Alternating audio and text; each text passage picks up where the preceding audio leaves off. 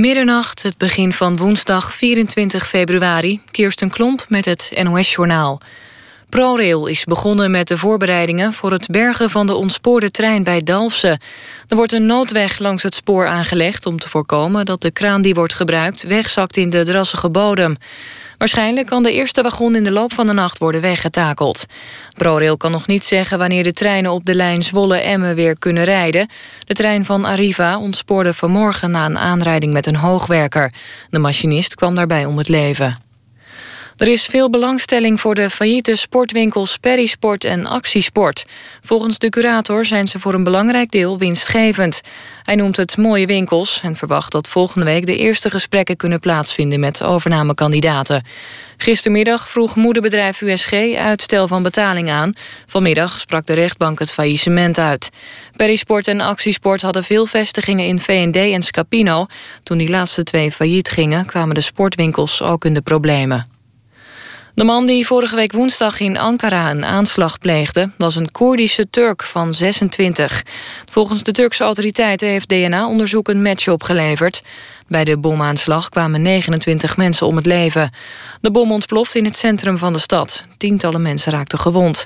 Een dag na de aanslag zei premier Davutoglu dat de dader een Syrische strijder was. Artsen moeten stoppen met onderling whatsappen over patiënten. Volgens de autoriteit persoonsgegevens is de chat-app niet veilig genoeg voor gevoelige patiëntinformatie. De artsen maken gebruik van WhatsApp om bijvoorbeeld advies te vragen bij een bepaalde operatie. Artsenkoepel KNMG zegt in een reactie dat het artsen afraadt gebruik te maken van de app, maar dat de koepel het gebruik ook niet kan voorkomen. Het weer aan de kust, kans op een winterse bui. Verder op veel plekken droog. Het koelt vannacht af tot rond het vriespunt. Lokaal kan het ook glad worden. Overdag meer zon, maar ook weer buien met kans op natte sneeuw of hagel. En smiddags wordt het dan een graad of zes. Dit was het NOS Journaal. NPO Radio 1. VPRO. Nooit meer slapen.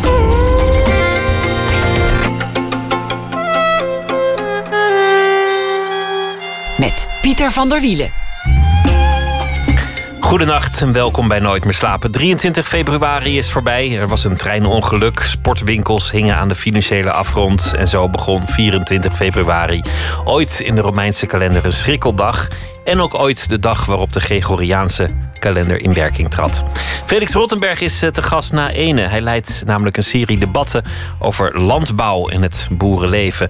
Want achter de crisis van onze tijd, de vluchtelingencrisis bijvoorbeeld, schuilen ook landbouwkundige problemen. Misoogsten bijvoorbeeld. Ernest van der Kwast die schrijft een verhaal voor ons en dat zal hij voordragen na ene over de voorbije dag. Maar we beginnen met Marja Pruis. Zachte Rieten is de titel van haar nieuwe roman. Het gaat over een vrouw die doseert aan een universiteit. Er zijn twijfels aan de integriteit van een goede vriend. En, en een collega ook van haar. En dat brengt haar aan het twijfelen. Het is een roman over angst, over moed, over loyaliteit en over trouw. Marja Pruis is geboren in 1959. Ze is recensente, essayiste, schrijft columns voor de Groene Amsterdammer. Dit is haar vierde roman. Eerder schreef ze onder meer het boek Atoomgeheimen. En de essaybundel Kus me, straf me, straf me over uh, literatuur ging dat. Marja Pruis, welkom. Dankjewel. Het gaat in het boek onderliggend vaak over moed. En, mhm. en ook wel over schaamte en over, over durf. Zou je zeggen dat je zelf moedig bent? Uh, ik las een keer in een interview met iemand. Volgens mij was het de dochter van Frans Bromet. Die vertelde dat ze vroeger als kind heel erg bang was. En dat haar moeder toen tegen haar zei: van, Maar wie bang is, die moet ook altijd moedig zijn. En dat vond ik heel mooi omdat ik denk dat ik inderdaad wel vrij bang ben uitgevallen. Maar dat ik wel altijd bezig ben om me daar overheen te zetten. Dus ik denk dat ik eigenlijk ook wel weer veel durf. Maar je moet, je moet jezelf bijeendrapen. Je moet jezelf ertoe zetten. Je moet kracht verzamelen. Ja, of mezelf relativerend toespreken. Of gewoon van die mantra's in mijn hoofd. Dat alles wel meevalt. Het komt wel goed. Komt wel goed, zoiets, ja. Je schreef in de, in de essaybundel, dat is een verzameling van artikelen die op verschillende plaatsen waren verschenen over literatuur, dat je zelf vrijer bent gaan schrijven na het overlijden van je vader. Dat je mhm. jezelf daarop betrapte. Oh jee, we gaan wel meteen ja. Eh, de diepte in. Uh, ja, dat was dat uh, klopt wel. Want Ik denk dat ik me voor mijn vader vooral heel erg uh, zou schamen. Ik denk dat ik het heel erg idee vond als hij zou lezen wat ik schreef. En ik was toen wel bezig met schrijven, maar ja, een van de uitspraken van mijn vader was ook. Uh, toen ik een keer vertelde over verlangen om te schrijven, zei hij van ja, maar als je wil schrijven, dan was je toch al schrijfster geweest. Zoiets zei hij. Dat is een ontmoedigende opmerking. Ja, nou ja, ik, ik ervoer toen gewoon heel erg als een soort waarheid. Dat, dat ik ook dacht van oh ja, wat, wat aanstellerig eigenlijk. Ik bedoel, je moet het gewoon niet zeggen, maar je moet het doen. Dus uh, dat, ja, ik denk dat ik me dat wel heel erg aantrok. Dus dat was iets. Maar ook gewoon het, het, het schrijven zelf, wat ik dan zou schrijven. Ik denk dat ik dat heel moeilijke gedachte vond als mijn vader dat onder ogen kreeg. Dan ben je, ja, het is, het is heel cru om te zeggen, bijna bevrijd als mensen niet meer meekijken. Ja, op een bepaalde manier wel. Ja. Heel veel schrijvers die, die, die, die, worstelen daarmee. Dat, dat ze schrijven over dingen die hen interesseren of dingen uit hun eigen leven verwerken in hun boeken. Mhm. maar, maar dat staat dan toch zwart op wit. Jouw naam staat erop. Mhm. En heel veel schrijvers worden daarop op aangesproken. Ja. Heb jij dit nou echt geschreven? Of denk je zo over mij? Of, of denk je er zo over? Of goh, heb, je, heb je zulke vieze gedachten? Ja. Dat soort dingen. Maar het voelt heel bloot of zo. Moet je om, om een goed schrijver te zijn ook in die zin moedig zijn? Ja, en je moet denk ik ook wel uh, geen scrupules hebben. Je moet eigenlijk wel meedogenloos durven zijn, denk ik voor jezelf en voor je omgeving. Uh, ja. Wat was het moment dat, dat, je, dat je durfde, dat je, dat je jezelf. Want je, je studeerde Nederlands, je was op allerlei manieren al bezig met literatuur. Maar wanneer durfde je echt de knoop door te hakken en te zeggen: Ik ben ook schrijfster. Dat is ook iets dat ik doe.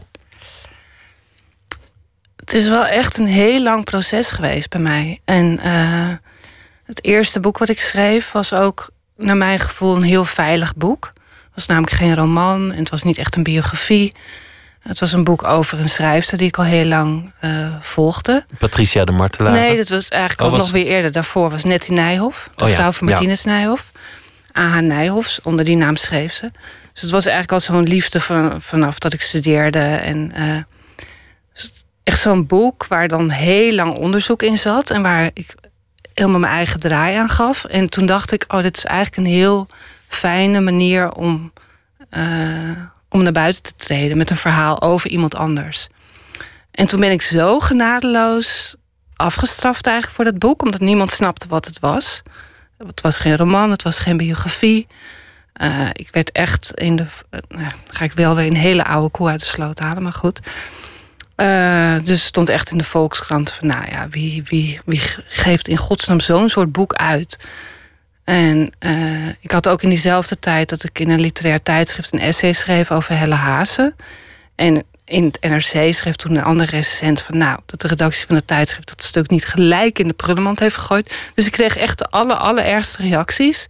En dat was op een bepaalde manier ook bevrijdend. Maar goed, dat was wel bevrijdend pas weer na zoveel jaren. En... In het begin is de stomp in je maag en, ja. en, en dan... Nou ja, slijt dat op de een of andere manier. Maar Ja. dan daarna is het inderdaad bevrijdend. Want je hebt Ja.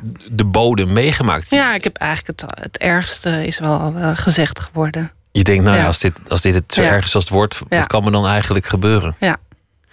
Jouw vader die ontmoedigde je onbedoeld. Die zei van, nou ja, als je schrijfster zou zijn... dan, dan, dan, dan was je het Mhm. Toch al. Ja. Je schrijft eh, in dit boek, en, en ook op andere plekken komt het terug... over jouw broer die gediend heeft in Afghanistan. Mhm. Klinkt meteen een beetje plechtig gediend... maar die, Ja. die, daar, eh, Ja. die, die daar als soldaat naar, naartoe is, Mhm. is gestuurd. Ja. Is het dan ook zo dat, dat in het gezin jij je misschien hebt geschikt in een andere rol... omdat iemand anders al de moedige was... en, en degene was over wie iedereen zich zorgen maakte en de wilde was? Ja, hij was wel echt, eh, denk ik, eh, nou, niet zozeer de moedige, maar wel altijd degene die er een beetje buiten viel. De, ik denk dat ieder gezin wel gewoon zo iemand heeft die op een bepaalde manier heel veel aandacht vroeg. En waar iedereen zich ook wel zorgen over maakte, eigenlijk tot op de dag van vandaag. En dat maakt dan dat de andere gezinsleden ook zich op een andere manier gaan gedragen. Want als je ouders al zoveel zorgen hebben over, over hem... ja, dan moet jij het misschien maar doen zoals zij het verwacht hadden. Ja. ja, en ik was ook het oudste meisje. Ik denk dat dat ook anders was. Eh, ik denk dat mijn vader zich ook wel weer heel veel zorgen over mij maakte. Gewoon vanwege het feit dat ik een meisje was. Dus ja, eh, onbewust heeft hij mij wel met heel veel angst ook opgezadeld, denk ik. Juist door altijd ongerust te zijn en uh, dingen voor me te willen regelen. Ben je bevrijd van je angsten inmiddels? Zou je dat, dat zeggen? Want je zei, ik, mm. een, een, een, bang iemand met een mantra... Die, die kan eigenlijk toch nog moedig zijn. Juist als je mhm. bang bent, kan je moedig zijn. Het is wel zo dat ik denk dat de angsten die ik heb... dat dat hele gewone menselijke dingen zijn. Ik, Geen fobieën of zo? Nee, ik voel me ook niet neurotisch of, of uh, uh, gehandicapt... of op een bepaalde manier uh, dat ik dingen echt niet doe. Weet je, dus eigenlijk denk ik, ik verbaas me wel over dat mensen gewoon zomaar iets doen. Ik ben misschien wel heel erg secundair of dat ik heel lang nadenk voordat ik. Nou, nee, misschien dat ook niet. Ik, ja, ik voel me eigenlijk niet exceptioneel bang of zo. Nee, maar laten we het bij de literatuur houden. Mhm. Bijvoorbeeld Ilja Vijver, die heeft een, een brievenbundel, die komt binnenkort uit, waarin mm die man, paard, koe uh, en vooral vriendinnetjes met naam en toenaam noemt. Uh, alles over zichzelf, maar ook over zijn omgeving prijsgeeft voor de duvel niet bang. Althans, ja. zo lijkt het. Een manier van schrijven in het leven staan die ik als, als lezer heel erg kan bewonderen, maar waarvan ik bij mezelf zou denken: mm, ik denk niet dat ik dat aan zou durven. Nee. Ik denk heel veel schrijvers niet. En dat, Ja. het hoeft niet eens over het persoonlijke te gaan. Het kan ook zijn een, een radicaal boek schrijven, bijvoorbeeld. Ja, ik weet wel dat volgens mij een van de eerste romans die Ilja Leonard Vijver schreef, toen zei hij ook zoiets in een interview van eh, eh, ik ga met mijn billen bloot of weet je wel, ik doe iets heel gevaarlijks. En ik heb zijn literatuur echt nooit gevaarlijk gevonden. Ik dacht altijd, oh wat moet dat heerlijk zijn als je dat soort boeken schreef. Ik bedoel, je hoeft nooit bang te zijn dat Omdat je- iemand er iets van zegt. Omdat je niet kwetsbaar bent. Nee, absoluut niet kwetsbaar. Hij heeft zichzelf zo uitvergroot. Hij is gewoon een, een karikatuur van zichzelf. De En ook in schrijver. zijn schrijven, ja. Dus wat ik denk echt nou, makkelijker op een bepaalde manier is het gewoon niet. Jezelf verschuilen achter een, achter een model Ja. van iets dat je, dat Ja. je zelf gecreëerd Ja. hebt. Ja. Dat vind ik ook interessant. Je hebt het nu over een, een, een slechte recensie die je, die je hebt gehad. Mhm. Je beschrijft in een van je, van je columns een keer hoe je, je geliefde de, de trap opkomt met, met de krant. En je Ja. even alleen laat om het, om het te lezen. Want kennelijk was het niet goed. Ja, dat was die recensie. Dat was die, dat die was- hele- ja. Je bent zelf ook recensent. Mhm. En je beschrijft elders hoe je, hoe je iemand tegenkomt. Die jij, die jij zelf net een wat lauwe recensie hebt gegeven. Ja. Ja, Je kent- ook je een kent beide. negatieve recensie. Ja. Je kent beide kanten van, Ja. van eh, Ja. de strijd. ja, ik zat op weg hier naartoe, zat ik daar ook nog weer over na te denken. Dat ik, pas was ik ook weer iemand tegengekomen. Gewoon aardig mee gepraat. En ik weet, en hij weet ook, dat ik hem jaren geleden ook heel erg heb afgekraakt. En we hebben het er niet over gehad. En toch, op dat moment kan het niet anders dan dat hij, hij weet dat. Als hij me ziet, moet hij daaraan denken. Zoals ik ook, als ik diegene zie die mij heeft afgekraakt, denk ik daar ook aan. Op een bepaalde manier vergeef je het iemand ook nooit. En, eh, maar ja, goed, dit is, in dit geval bleef het onbesproken. En ik merkte toch bij mezelf zo'n soort gevoel van schaamte. Dat ik toch liever had gehad dat het gewoon niet gepasseerd was. Dat ik dat liever, had ik het toch liever niet geschreven. Dat ik hem nu zo zag en dacht ik, wat, wat onaangenaam eigenlijk. Maar ja, je zou een slechte recensent zijn als je dat, Nee, dat is ook zo. als je dat eh, anders zou ja, doen. Ja, Recenseer je jezelf tijdens het schrijven? Denk het niet. Nee, ik denk toch dat het een ander soort gemoedstoestand is waar je dan in zit. Want als je met recenseren begint, dan raak je ook op een bepaalde manier verkrampt. Dus eh, nee, volgens mij niet. Nee.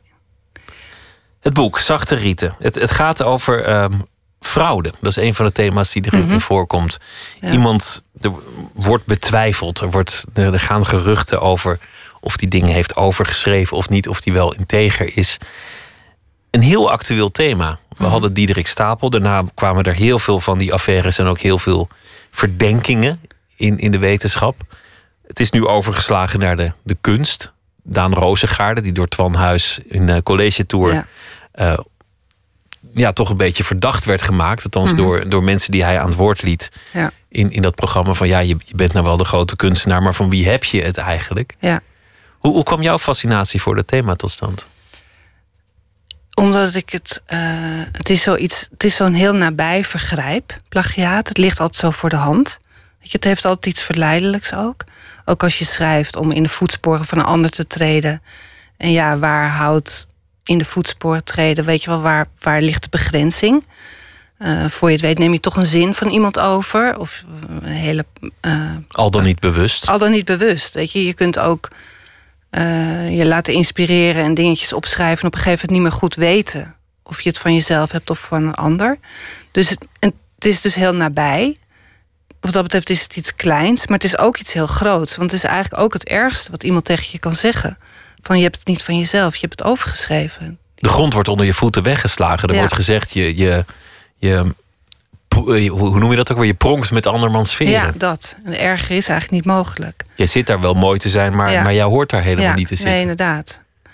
Dus eh, het is ja, heel erg als iemand je daarvan beschuldigt. En het is ook heel erg om er weer van vrij, om daar weer van los te komen, volgens mij. En tegelijkertijd, ja, ook zo met zo'n Daan Rozengaarden nu denk ik, ja, wat is originaliteit precies? En een ander kan wel hetzelfde idee hebben gehad, maar die heeft niet de tegenwoordigheid gehad of de creativiteit om het ook op die manier naar buiten te brengen of te materialiseren. Het is nog iets heel anders om te zeggen, je, je hebt het ergens vandaan gehaald, dan om Ja. te zeggen, eh, jij hoort daar niet te zitten of, of je, je, Ja. je laat anderen niet delen in jou. Ja. Maar het is natuurlijk, dat is echt zo'n oerangst. En ik, ja, ik heb het er ook wel eens met collega's over. Het ergste wat iemand tegen je kan zeggen is toch van ja, maar wat jij doet, het slaat nergens op. Eh, je doet maar alsof. Je bent gewoon een phony. En tegelijkertijd is het iets wat je zelf altijd een beetje denkt, toch? Dat, je, ik- dat je betrapt zult worden, ontmaskerd. Nee, ook dat je zelf denkt, ja, maar ik ben ook eigenlijk een beetje aan het. Ik ben ook eigenlijk een nep. Ik doe ook maar alsof. Ik doe ook maar alsof ik kan schrijven. Maar volgende week staat gewoon in de krant. Wil eindelijk eens een keer iemand tegen haar zeggen dat ze het mee op moet houden. Dat het gewoon nergens op slaat. Ik denk dat dat iets specifiek voor schrijvers is, om, omdat je met niks begint. Omdat het een blanco vel was. Nou, Ja. niet eens een blanco vel, een blanco Ja. scherm. Druk op escape en het is allemaal weg. Ja. Toen jij begon. Ja, nee, dat is ook iets wat sommige schrijvers ook zo zeggen. Van je, je maakt van niets, maak je iets. En dat het enger is, is er niet.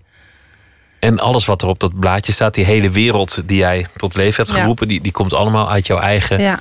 Maffe, gekronkelde Ja, brein. en dan moet je natuurlijk zo je manier vinden om dat niets, om dat grote niets te lijf te gaan. En daar zijn zoveel manieren voor. Ik weet ook schrijvers eh, die gewoon alleen maar zonder enige rem eerst gewoon maar materiaal gaan produceren. Gewoon om maar dat niets uit de weg te ruimen.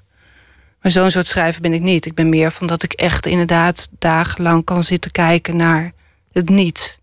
En waar begon het? Waar begon dit te stromen? Het begon echt met eh, eh, een plekje in mijn nek waar ik last van had. En eh, nou, wat ik ook in het boek beschrijf, van iemand die bij de kapper zit. En dan, hoor ik eigenlijk van ja, misschien heb je wel eczeem, misschien reageer je niet goed op deze verf. We gaan overstappen op een biologisch spul. En dat ik toen zelf dacht van, oh, maar ik vind het eigenlijk wel fijn om iets te hebben waar ik een beetje pijn heb. Dus toen begon ik te denken aan dat het ook wel fijn is soms om een beetje pijn te voelen. Dus iemand die hecht aan pijn, iemand die eigenlijk de pijnlijke dingen in haar leven misschien een beetje koestert. Weet je, zwelg is meteen weer iets heel naars, maar gewoon wel iets de pijn altijd bij zich wil houden. Het andere, het mee. het andere thema is, is de broer die, eh, die, die dient. Ik vind, ik vind het nog steeds een gek woord. In, in het leger in Afghanistan. In de roman is die overleden. Het, het is in jouw eigen leven gelukkig goed afgelopen. Ja. Maar het, het is een, een grote gebeurtenis. Een- een, een broer die sneuvelt. Waar begon dat? Hoe Dat kwam dat het boek in?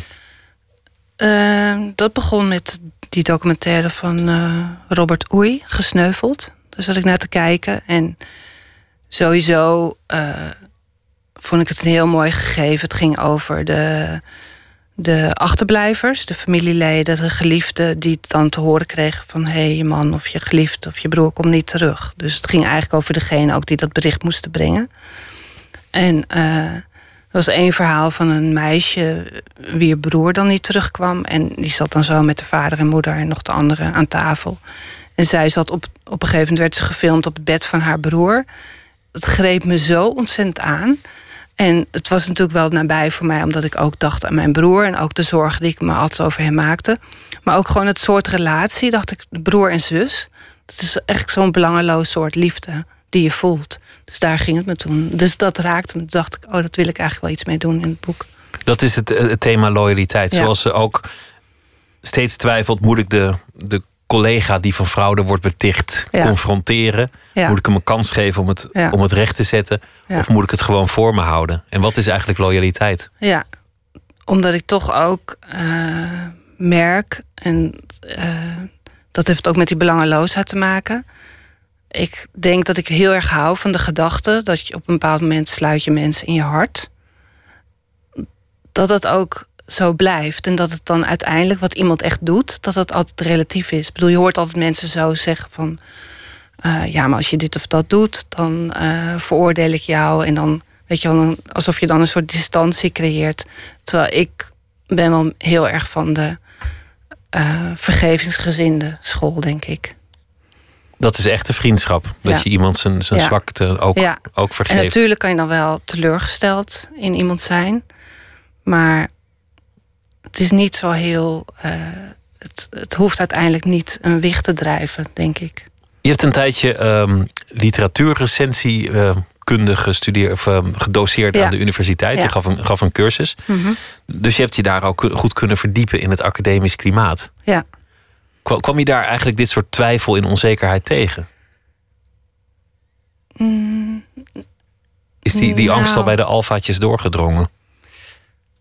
Eigenlijk niet zo. Het is wel zo, en dat staat dan wel in het boek, dat nu wel, uh, volgens mij, in, binnen de universiteit is men wel heel erg beducht voor plagiaat en zijn er allerlei methodes bedacht om dat op het spoor te komen. Um, en het is natuurlijk nu eigenlijk op een bepaalde manier ook makkelijker, denk ik, om dingen op te zoeken en over te schrijven en andere bronnen te gebruiken, een beetje te verdoezelen.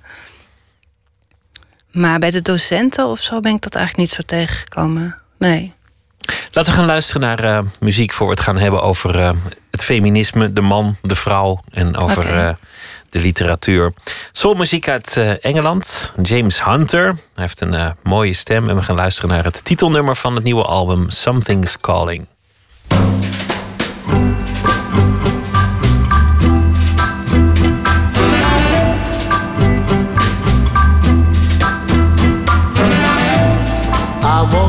Back this way. Cause something's calling. There's nothing left to keep me here. I'd be a fool to stay. Cause something's calling. calling me. I said it's calling. I've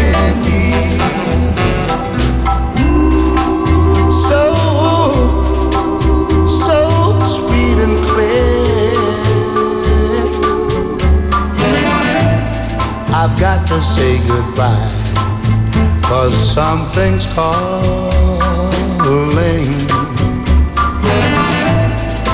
that there's a better life somewhere.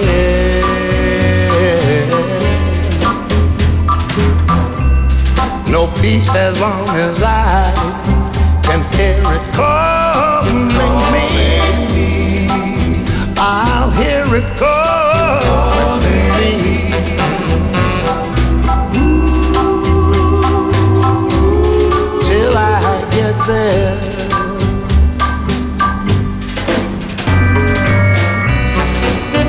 got time, however long it takes me. Long as I find whatever awaits me. When will this endless night give way to morning?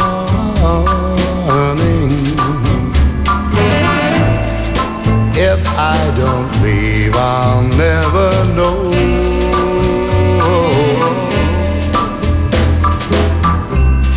I'm headed for the light that keeps a calling me. I hear it calling me.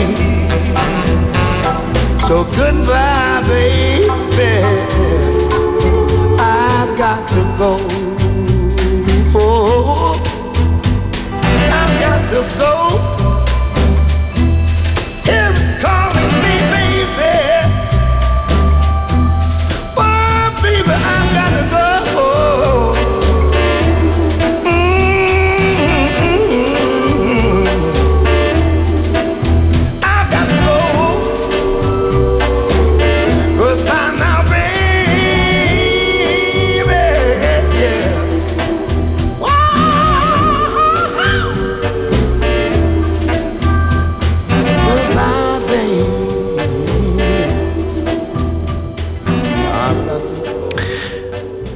James Hunter Six was dat met Something's Calling. Marja Pruis zit tegenover mij. Zij is eh, schrijfster, recensente, essayist, columnist voor eh, De Groene Amsterdammer.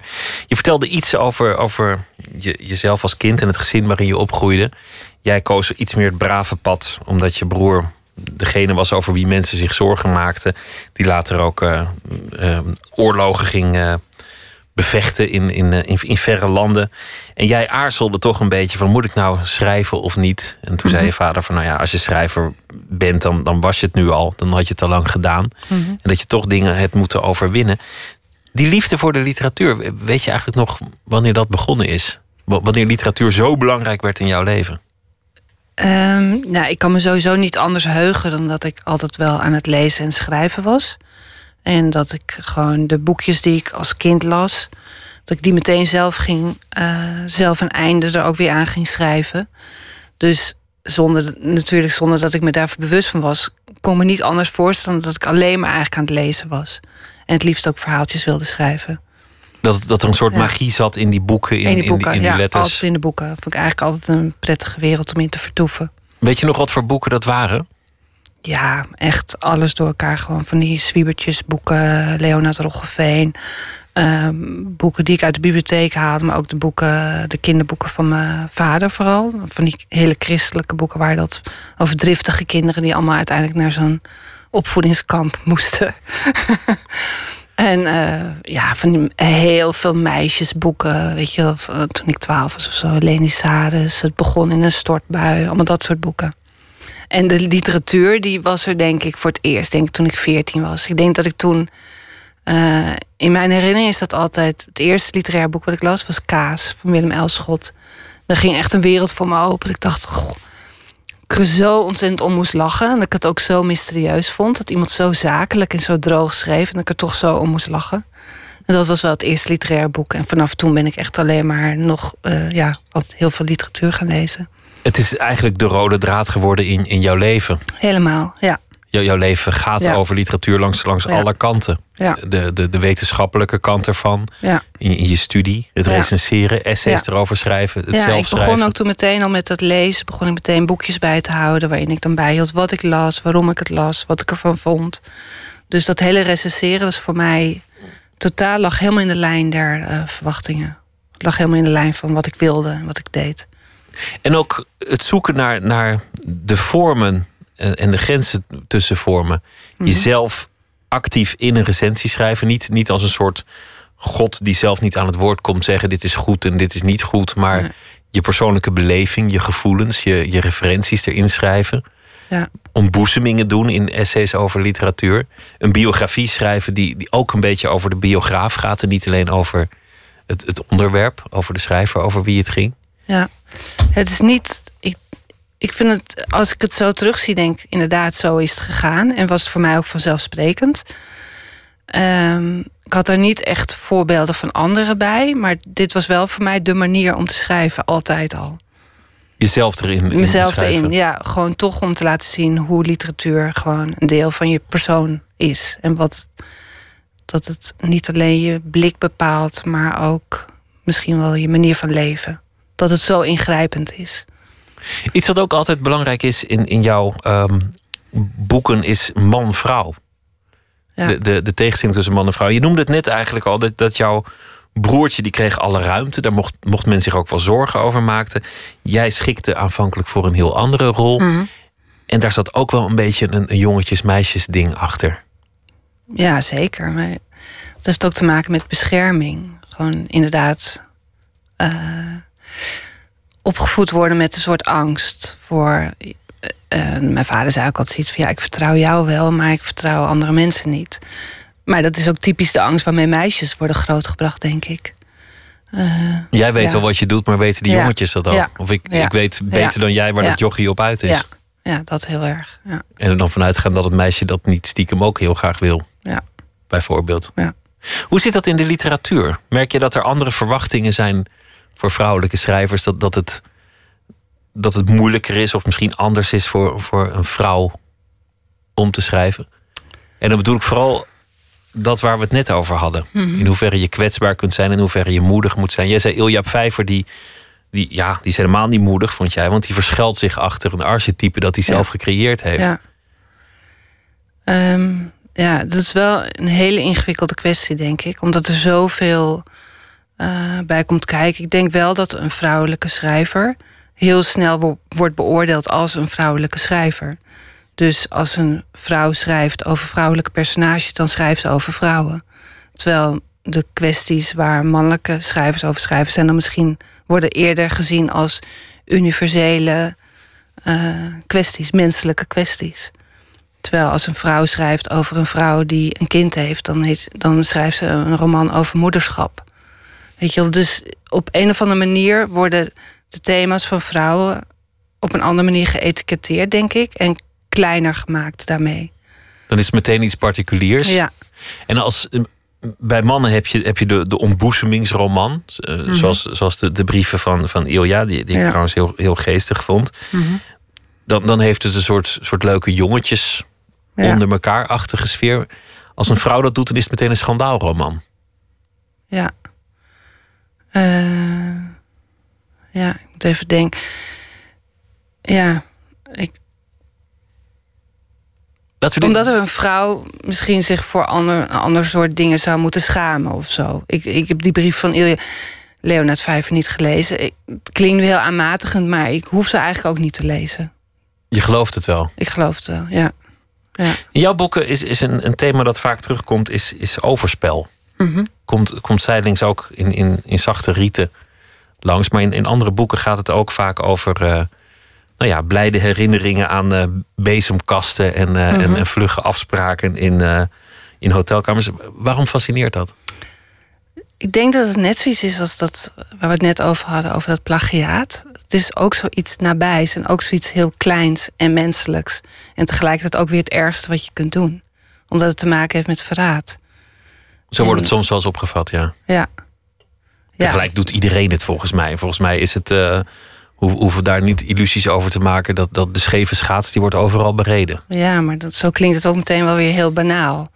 En eh, het is gewoon een heel groot thema. Je ziet het in heel veel grote romans over vrouwen. Is het ook altijd zo'n ding.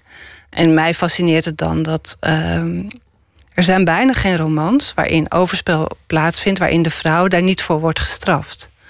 Het is op een of andere manier zo'n eh, echt het grote beladen thema, denk ik. En als ze niet rechtstreeks wordt gestraft, dan, dan komt ze op een andere manier rottig aan haar einde. Nou Madame ja, Bovary. wordt, heel Of, vaak eh, wordt ze ook gestraft omdat er bijvoorbeeld een kind doodgaat. En eh, ja, en inderdaad, of, of ze, ze pleegt uiteindelijk zelfmoord. Of, of, of wat dan ook. Ja, Is dat, dat, ehm, dat komt vaak langs in, jou, in jouw boeken, het, het overspel. En ergens dan schrijf je, dat vond ik een hele mooie zin. Dit was het laatste onschuldige telefoontje dat ze nog met hem zou voeren. Mhm. Ik citeer het verkeerd, maar, maar zo'n soort zin was het. En dat, dat vond ik zo mooi geformuleerd. Mhm. Die, die relatie die is nog zuiver, maar het kwaad is al geschied, want die hotelkamer is al geboekt. Hier Mhm. gaat het gebeuren. En dan is dat het laatste onschuldige telefoontje. ja, Dat, dat vond ik een prachtig beeld. Ja. Hoe, hoe bedenk je zoiets? Ga je, ga je daar echt voor zitten van hoe zou dat gaan? Of, of, of hoor je dingen? Of, of heb je een notitieblokje bij je de hele dag? Ehm, ja, sowieso heb ik wel altijd zo'n notitieblokje. En eh, ik kan me dat ook zo. Ik kan me er gewoon wel heel erg in inleven. Ehm, omdat ik het denk ik zelf wel heel belangrijk vind. Ik hou wel van gewoon grote liefdes. Liefdes die lang duren. Van passie, Ja, en eh, een rotwoord. ja, ik zou het ook niet zo gauw zo gebruiken, passie, maar ik hou ook wel heel erg van trouw. Dus ik denk ook dat ik daarom ook wel snel denk aan van wat staat er tegenover? Wat is het ergste wat je kunt doen? En dat is dan toch die ontrouw. En toch ken jij ook de verleidingen, neem ik aan. Ik ken de verleidingen, maar ik heb uh, uh, eigenlijk ook weer zoveel. En ik heb zo'n fundament in mijn leven waar ik gewoon toch wel heel voorzichtig mee omga. Kun je aan een boek zien, want dat is een spelletje, dat, dat schreef je in een van je essays, dat, dat uh, regelmatig wordt gespeeld, of het door een man of door een vrouw geschreven is. Dat er zijn mensen die dat heel leuk vinden om elkaar ja. een bladzij te geven en zeggen: Nou ja, oké, okay, zeg ja, maar. Ja, en dan komen ze net altijd met die, met die verschrikkelijke uitzonderingen aan. Dus dan is Couperus is dan de vrouwelijke ja, je schrijver. dacht dat een vrouw was, haha, Louis Couperus. Al die bijvoeglijke naamwoorden. Het kan alleen maar, het kan alleen maar een vrouw zijn. Nee, het is Couperus. Uh, maar ik denk wel dat je het over het algemeen wel kunt zien... of iets door een man of een vrouw wordt geschreven. Waar kun je dat dan aan zien? Um, ja, het klinkt nu flauw om te zeggen van waar het over gaat. Maar ik denk dat er wel iets is van een... Uh, uh, het heeft toch te maken met een soort gevoel voor abstracta, denk ik. Voor grote woorden. Uh, ik denk dat een vrouw... Het klinkt nu wel heel stereotyp hoor. Maar misschien eerder inzoomt op uh, kleine uiterlijkheden ook. Het detail. Het detail, ja. Maar goed, ik kan meteen ook allemaal andere voorbeelden verzinnen hoor. Want zo'n schrijver als James Salter bijvoorbeeld... zou je een relatief vrouwelijke schrijver kunnen noemen. Gewoon ook een soort intens proza wat hij schrijft. Soms gebeurt het dat er een, een boek verschijnt dat, dat heel goed verkoopt of veel stof doet op waar je dat, waarvan de schrijver, de auteur niet bekend is. Bijvoorbeeld een, een, een boek dat over seks gaat of zoiets. En dan, dan is het, het je had het geheime leven van uh, Catharine M. bijvoorbeeld in de ja. tijd. Eindeloos gespeculeerd. Wie is het nou? Wie heeft het nou geschreven? Ja. Dan zijn het de mannen, als het over seks gaat, die zeggen meteen: ja, dat is een man. Dat is helemaal niet door een vrouw geschreven. Er zit zoveel seks in. M. Ja, uiteindelijk bleek dat heel anders te zitten. Maar kun je het aan zoiets zien? Um, ja, vind ik heel moeilijk te zeggen eigenlijk. Het heeft niet te maken met de hoeveelheid, denk ik. Het is misschien wel. Uh, uiteindelijk verbaasde het mij niet dat dit een vrouw was die dan weer heel erg door haar man gemanipuleerd werd. Want het was wel een soort van seks waarvan je denkt van... is dat nou uh, iets wat een vrouw vrijwillig opzoekt? Ze werd gereduceerd tot een onderlijf. Tot een object, ja, ja. ja. En dan was haar man geloof ik de voyeur... of die anceneerde het, of die regisseerde het. Die organiseerde die avondjes. Ja, ja.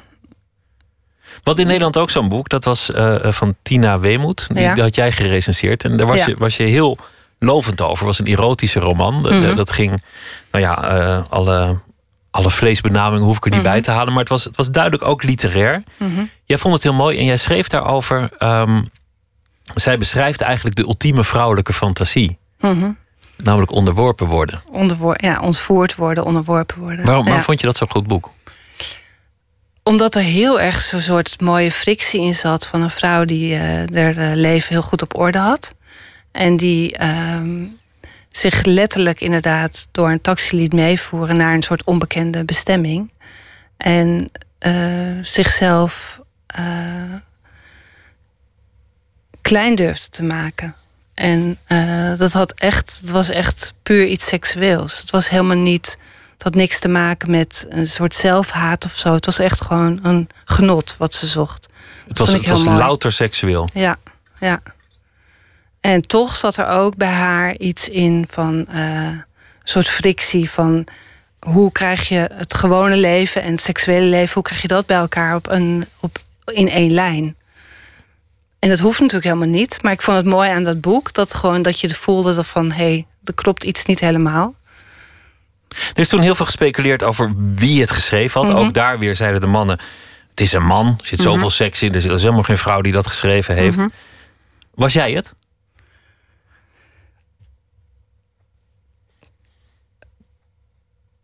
Even lange stilte. uh, nee, maar ik bedoel, als ik het zou zijn, denk ik niet dat ik het nu zou zeggen. Nee. Dus ik, uh, nee. Nee, toch, toch een stilte. Dat ja. zegt wel iets, ja. die stilte. Ja, het zegt wel iets, omdat het natuurlijk ook wel mooi is om een beetje de, de, de illusie in stand te houden dat ik het zou kunnen zijn. Dat vind ik ook wel fijn. Zo'n roddel moet je nooit ontkennen, nee. want dat, dat, dat, zou zonde zijn van, van de pracht ja. van de roddel. Ja. Als dat zo zou zijn, wat strikt mm -hmm. theoretisch, hypothetisch mm -hmm. is, dan zou, je, zou het helemaal een mooie grap zijn omdat je je eigen boek gerecenseerd hebt. Ja, zou wel heel stoer zijn. Ja. Zou je durven, trouwens, een erotische roman schrijven? Ik weet niet of ik het zo interessant zou vinden. Ik denk, en daarom vond ik dat boek van uh, Tina Weemoed heel goed, omdat uh, er meer in zat dan seks alleen. En uh, uiteindelijk uh, werkt erotiek, vind ik, alleen toch goed in een, in een goede context. En ehm, Volgens mij is dat dus het allermoeilijkste om, om te schrijven. Ja, het, het is zelden gelukt. Ja, Een, een pornografisch boek schrijven dat ook nog echt sterk is. Ja, er zijn er een paar. Ik weet nu eentje, Alina Reyes, vond ik heel goed, De Slager. Zo'n is echt typisch zo'n Frans boek. Ja. Heel poëtisch en tegelijkertijd ook wel rauw. Ook een beetje raar. Uiteindelijk ontspoort er altijd iets, waardoor het gewoon niet helemaal volgehouden wordt. Het is best, best moeilijk om het een roman lang vol te houden, volgens mij. Ja, ik vond het boek. het intrigeert me wel altijd. Het boek van Tina Weemoed vond ik, vond ik in dat opzicht heel, heel geslaagd. Mhm. het, het, was ongegeneerd seksueel, maar mhm. toch ook, ook literair. We laten die stilte gewoon lekker zitten. We gaan luisteren naar uh, Max Jury met uh, het nummer Nump. Hij is 21 jaar, hij komt uit Des Moines en hij is uh, zanger en pianist. En hij heeft er ook nog een, een heel gospelkoor bij gehaald.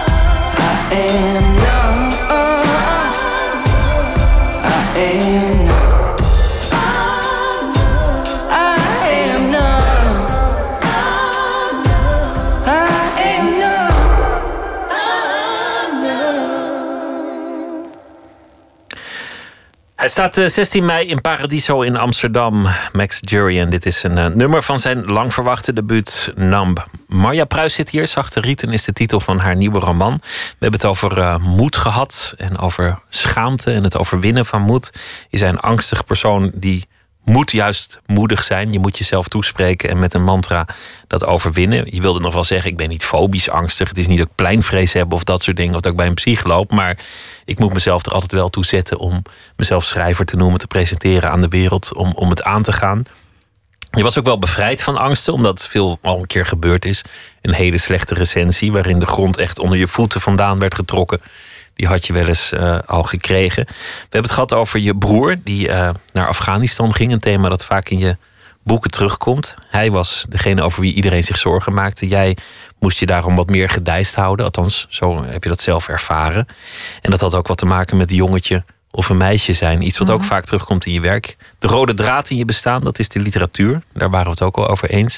We probeerden erachter te komen of er zoiets bestaat als een vrouwelijke of een mannelijke stem in de literatuur. We hebben het gehad over vreemdgaan, mooi thema voor iedere schrijver. We hebben het gehad over seks. Probeerde je nog uh, iets in de schoenen te schuiven, dat je een, een prachtige erotische roman hebt geschreven. En toen uh, liet je een hele lange, plechtige stilte vallen. En dat vond ik ook wel verstandig om die stilte te laten vallen. En toen dacht ik, weet je, ik ga niet uh, op de brandstapel naast Van Huis eindigen. Ik ga gewoon uh, niet, door, uh, niet doorpeuren. Ik, ik laat die stilte ja, gewoon voor, voor, wat hij is. Ja.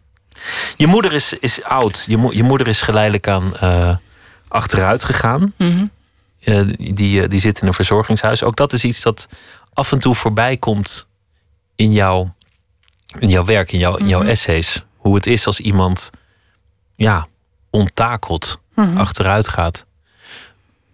Dat zit op een heel andere manier ook in jouw boek. Iemand die ziek wordt in, in de omgeving. Mhm. Wat mij daaraan fascineert hoe jij het beschrijft, is dat het een groot drama is, maar ook een heel alledaags drama. Iets, iets dat zich heel geleidelijk voltrekt. Ja, ook omdat het iets heel normaals is natuurlijk. dat mensen ziek worden. Wat, wat iedereen uiteindelijk eh, meemaakt. Ja. Hoe heeft dat jou veranderd om, om één ouder te verliezen en de andere ouder oud te zien worden? Um, nou, toen mijn vader overleed, toen dacht ik, nou, er kan me nooit iets meer ergers gebeuren. En nu denk ik met mijn moeder uh, dat het eigenlijk ook weer onvergelijkbaar erg is. Dus je kunt het eigenlijk nooit bedenken. Ik vind het heel moeilijk ook om er precies woorden aan te geven eigenlijk wat het is. Omdat je dan natuurlijk... al, snel vervalt in, in iets dat al een keer gezegd is, misschien door iemand? Of... Nee, maar ook om gewoon, nee, dat niet, maar meer om precies te kunnen zeggen wat het betekent, zonder dat je het gewoon klein maakt. Daarom denk ik ook dat ik er beter over kan schrijven dan over kan praten eigenlijk. Maar het heeft me, denk ik, heel erg veranderd. En ik kan nog denken van... het is gewoon niet waar. Uh, alsof ik nog een klein kind ben of zo. Heel gek. Want we hadden het over, over je vader. En je had ergens geschreven... ik, ik ben wel vrijer gaan schrijven... nu die niet meer mhm. over mijn schouder meekijkt. Mm dan, dan, als we dat alleen zouden benoemen, zouden we voorbij gaan aan het feit dat het natuurlijk een groot drama was in, in jouw leven en een heel, heel verdrietige gebeurtenis. Jouw moeder heeft wel alles nog gelezen dat je hebt geschreven. Ja, dus voor mijn moeder schamen heb ik me nooit geschaamd. En ik weet wel dat mijn moeder ook een keer heel vrolijk tegen mij zei. Toen ik in een recensie had ik ook had ik het echt over uh, een lul van een schrijver. Of ik weet niet. Dat ze ook zo lachend me opbelde van nou zeg, je wordt ook steeds groffer. Maar daar zat ik niet mee en zij ook niet. En zij uh, was wel eenzelfde soort gevoel voor humor of zo. Zij moest ook wel heel erg lachen altijd om wat ik schreef. Zij stond wat dat betreft meer aan jouw kant. Was wat minder de, de, degene... Nou, minder veroordelend en ook minder een soort autoriteit voor mij. Als, als je moeder zo achteruit gaat en, en, je, vader er al niet meer is... dan is het ook dat, dat jij de volgende generatie bent die, die aan de beurt is. Die, die, die de oudste is. Of, of zie je dat niet somber. zo? Uh, nee, eigenlijk niet. Nee, daarvoor vind ik het toch ook gewoon zo wezensvreemd. Ook hoe mijn moeder er nu aan toe is. Ik bedoel, wees, wezensvreemd voor mezelf. En ik, ik, zie, ik ben heel vaak in haar huis en dan zie ik al die mensen. En dan als je daar loopt, dan denk je, oh ja, zo gaat het dus. En we hoeven ons daar helemaal geen illusies over te hebben. Ik hoef me er ook geen illusie over te hebben van zo gaat het bij mij ook. Maar ik, zo denk ik absoluut niet aan mezelf. Nee, het is gewoon echt mijn moeder. Je bent daardoor niet geconfronteerd met, met je eigen uh, ouder worden en, en vergankelijkheid. Nee, ik heb en- alleen hoogstens. Ik had vorig jaar had ik zo'n opeens zo'n opruimmanie. Een beetje ingegeven ook door die Japanse guru Marie Kondo. En dat heeft zeker wel mee te maken met dat mijn moeder gewoon steeds meer is ingedikt qua ruimte. En dat er spullen gewoon weg moesten. En dat zie ik nu wel vaker om me heen. Ik was gisteren ook op bezoek bij een, eh, een oudere schrijfster met wie ik bevriend ben geraakt. Die is ook net naar een tehuis gegaan. Die heeft zich ook van allerlei spullen moeten ontdoen.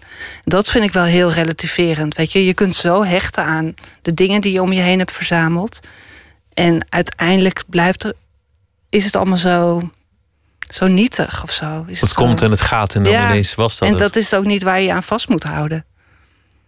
Wat kan de literatuur voor jou betekenen? Omdat dat jouw hele leven er toch wel over ging. Omdat in elke fase boeken alles voor jou hebben betekend. Mhm. Het waren je rolmodellen, het waren je angsten, het, waren je, eh, je, je, je- het was je troost. Als je, zeg, ga je dan andere boeken lezen als je met dat soort dingen bezig bent ineens? Nee, niet echt. Nee, Haal je er het- andere dingen uit? Nee, ik denk dat nu. eh, voor mij is het heel belangrijk dat ik gewoon zelf schrijf, denk ik. En dat is wel een manier ook om op een goede manier na te kunnen denken. Bijvoorbeeld over wat met mijn moeder gebeurt. Gewoon die essay schrijven. Of in, Over- in de roman waar het dan een vriendin roman, is ja. die, die ziek is. Maar dat, ja, dat, ja. dat heeft een soort gelijk thema natuurlijk. ja, dat is wel. eh, dat is dan wel gewoon dat woord troostend dan maar te gebruiken. Is wel troostend om dan dat precies onder woorden te brengen. En het de zwaarte te geven die het, die het verdient. Wat ik een mooi beeld vind, eh, is, is dat, je, dat je zei: ik, ik deed het eindelijk, ik schreef en ik, ik, ik bracht het uit. En meteen gebeurde het ergste dat een schrijver een beetje kan gebeuren. Namelijk, ik kreeg alle hoeken van de kamer te zien Ja. in de recensie. En daarna denk je, als dat enigszins is ingedaald, van nou ja, oké, ach, als dit het ergste is, Ja. dan, dan, dan moet het voortaan maar zo. Dan kan me eigenlijk niet zoveel meer gebeuren. Wat er dan overblijft, is de tijd die je hebt zitten tobben. Hoe bedoel je? Nou ja, dan heb je heel lang geaarzeld alvorens dat uit te brengen. En dan, en dan gebeurt het. En dan had je eigenlijk helemaal niet hoeven aarzelen. Oh, dan had ik het eerder kunnen doen allemaal. Ja, of, of Ja. misschien ook niet. Het is eigenlijk meer een vraag. Hoe, hoe kijk je aan tegen het verstrijken van de tijd die je nodig had om te komen op het punt waar je nu bent? Ja, dus dat is wel een, een punt dat ik soms wel kan denken... oh, ik heb veel te lang over gedaan allemaal. Wat een onzin. Waar was Al dat voor nodig? Ja, wat een omweg heb ik bewandeld. Maar kennelijk was dat nodig. Waarom ben ik niet toch moediger geweest? En tegelijk denk ik ook van... oké, al dit geaarzel en die omwegen zitten nu dan in hoe ik schrijf. Hoop ik dan maar. Dat dat toch dan iets ten goede is gekomen aan... gewoon wat jij net ook zei, dat ik altijd mezelf in de strijd gooi. Misschien had ik dat anders niet gedaan.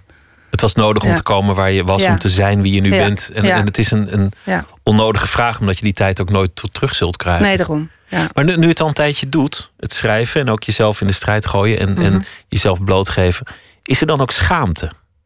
Zijn er dan toch dingen gebeurd waarvan je achteraf denkt: oeh, ik, ik hoop niet dat hij daarover begint of, of dat iemand dat ooit nog leest? Bestaat dat eigenlijk? Schaamte vind ik wel iets eh, wat altijd gewoon meer in, eh, wel in mijn systeem zit. Ik heb op een gegeven moment heb ik ook eh, voor de Groene heel veel mensen geïnterviewd over schaamte.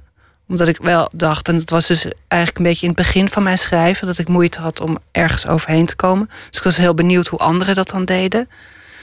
Ehm, ik, maar ik, voor de dingen die ik heb geschreven schaam ik me eigenlijk helemaal niet. Ik zei wel net van dat ik iemand tegenkom die ik heel slecht heb besproken.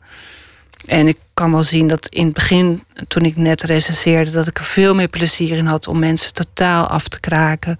Of om heel, eh, eh, om heel veel grappen te maken over mensen. Heel hatelijk te schrijven. Maar dat zie ik ook meer als een soort fase die ik heb gehad. En ik schaam me er ook weer niet voor. Dat was gewoon, nou, en trouwens, dat zijn gewoon ook dingen die gebeuren. Ja, daarom. Ja. En, en we, we Ja. zouden het ook allemaal jammer Ja. vinden als niemand dat zou doen, Nee. toch? Uiteindelijk. Ja, dat is ook zo. Ja. Wat, wat wil je verder? Want dit is je vierde roman. En eh, ik ben absoluut geen recensent. En, en ook helemaal niet een literatuurkenner misschien die daar een oordeel over moet hebben. Maar het is je beste tot nu toe. Volgens mij. Er zit, zit wel een, een, een lijn in dat je, Mhm. dat, dat je steeds meer je stem vindt. Ik denk dat dat wel veilig is om, om, om te zeggen. ja. Nee, hoe zou je het zelf ja. recenseren? En hoe zie je vooral, want dat vind ik nog veel belangrijker. Hoe zie je je, je, je toekomst? Heb, heb je nu haast om heel veel boeken te ja, maken? ik heb wel heel veel haast. Dat gevoel heb ik wel heel lang. Ja. Heb ik al een tijdje. Eh, ik heb nu heel veel zin om weer een essayboek te maken. Een soort van vervolg op Kus me straf me. Maar ik heb eigenlijk ook wel weer heel veel zin om een roman te maken. Dus ik ga gewoon heel snel heel veel schrijven. Ik ook Gewoon meteen weer ja. aan de slag. Ja, En dat begint Ja. dan weer, zo- zoals de vorige keer, met, met een, een leeg scherm waar je, waar je lang naar staart. ja. En, eh, dan hoopt dat er iets gebeurt dat, dat het in, in gang zet. Ja, ik vind het wel verwonderlijk. Want ik was zo blij dat ik dit af had. Zo'n opluchting. En nog steeds voel ik dat wel, die opluchting. Maar ik ben ook eigenlijk alweer helemaal vergeten wat het me heeft gekost. Dus ik ben nu eigenlijk alweer vol eh, vrolijke energie om het volgende te beginnen. Zo- Zoals je pijn kunt vergeten, zo kun je ook vergeten hoeveel zwoegen Ja. het was om, om Ja. het boek daar te krijgen Mhm. en om, om het goed te Ja. krijgen. En nu gewoon eh hop Ja. voorwaarts. Ja. Marja Pruis, dank je wel. Het boek heet eh, Zachte Rieten. En ik wens je heel veel succes met alles wat je, wat je verder gaat doen. Dankjewel. En wij gaan luisteren naar een eh, stuk uit 1983 van Tom Waits met de titel In the Neighborhood.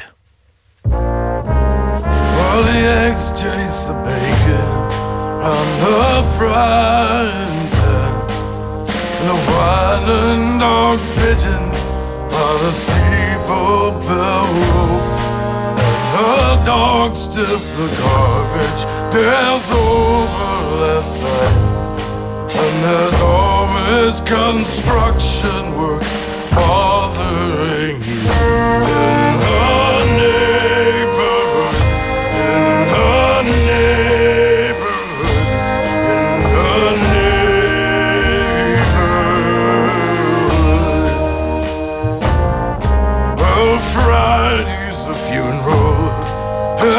and Saturday's a bride. Say's got a pistol on the register side. And the goddamn delivery trucks, they make too much noise. And we don't get our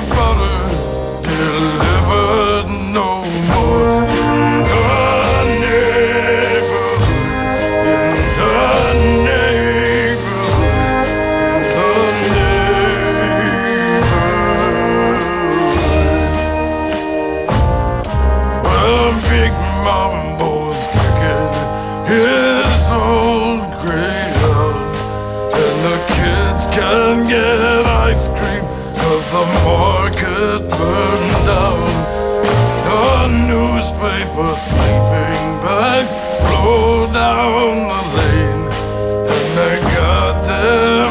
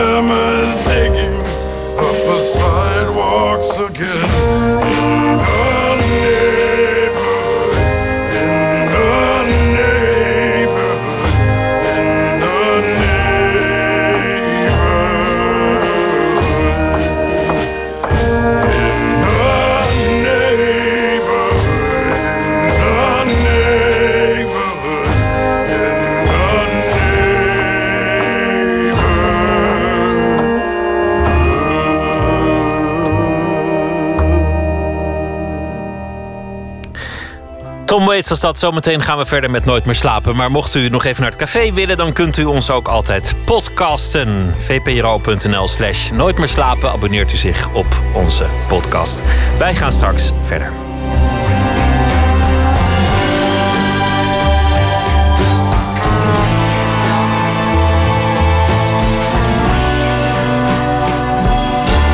Op Radio 1. Het nieuws van alle kanten.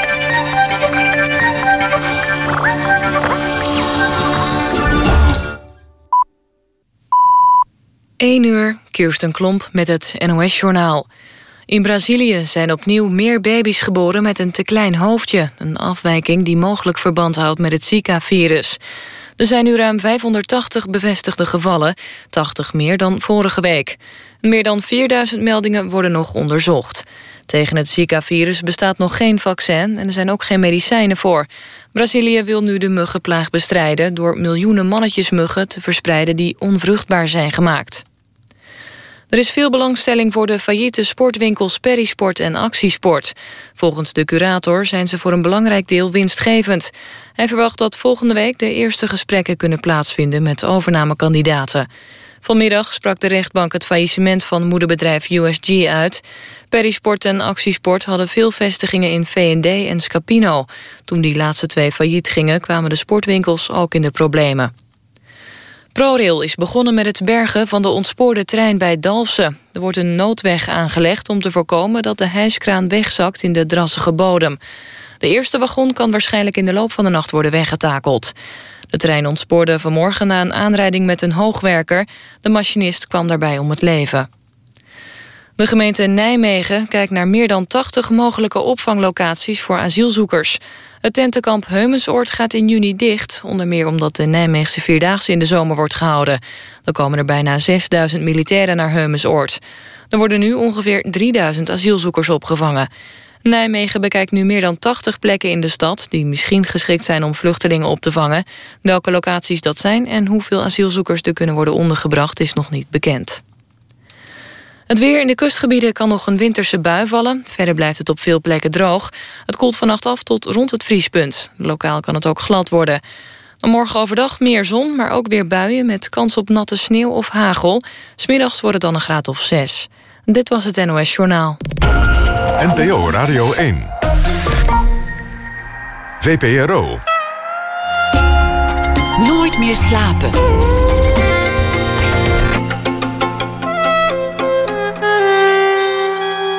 Met Pieter van der Wielen.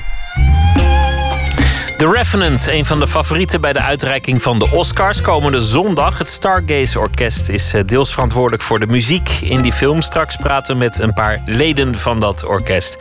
Felix Rottenberg komt op bezoek. Met hem eh, ga ik praten over eh, de landbouw en het voedsel. Want hij leidt een serie debatten in de Rode Hoed in Amsterdam over dat thema. Want achter veel wereldproblemen schuilen gewoon landbouwproblemen. Zoals misoogsten bijvoorbeeld. Ernest van der Kwast is uh, schrijver. Schreef uh, meerdere succesvolle boeken. Waaronder Mama Tandori. En zijn laatste boek heet De IJsmakers. Deze week zal hij elke nacht een verhaal maken en voordragen over de voorbije dag. Ernest, goeienacht. Goeienacht. Nobelprijs. Ik mag in Villa Augustus in Dordrecht een gesprek leiden tussen neuroepidemioloog Arvan Ikram en schrijver Hugo Borst. Het onderwerp is dementie. De wetenschapper vertelt over de stand van het onderzoek dat dementie in 30% van de gevallen te voorkomen is. Minder wijn, gezonder eten, stoppen met roken. Maar daarmee zijn we er niet. Dementie is een multifactoriële ziekte. Door de vergrijzing zal het aantal mensen met Alzheimer in 2050 verdrievoudigd zijn. Hugo Borst vertelt over zijn moeder, die de ziekte heeft en al een jaar in een verpleeghuis woont. Het zijn aangrijpende verhalen. Soms ook schrijnend als Hugo vertelt over de bezuinigingen in de zorg. Minder verplegers, minder handen. Soms stelt hij ook een vraag aan Arvan Ikram... die dan zeer eloquent en erudiet een antwoord formuleert. Wat de mensen in de zaal niet weten... is dat Arvan Ikram een klasgenoot van mij is geweest op het gymnasium. Hij was toen al geniaal en gaf eloquent en erudiet antwoord... op alle vragen die je hem stelde.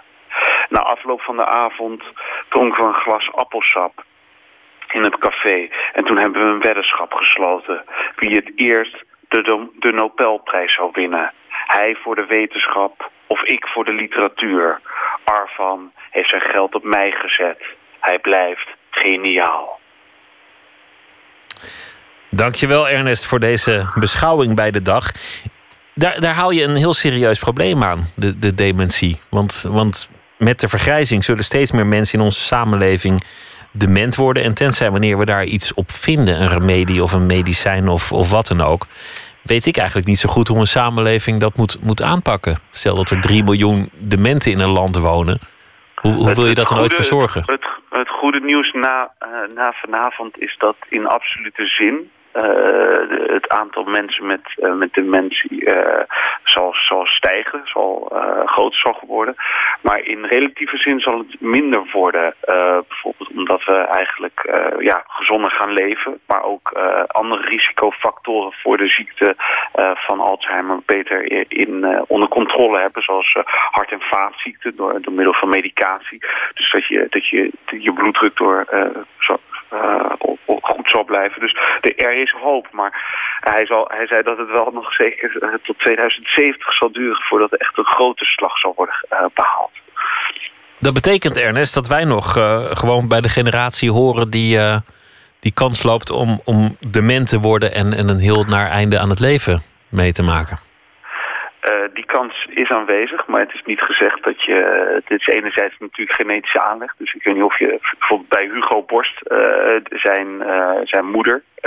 heeft op dit moment Alzheimer, maar ook zijn vier tantes en oom...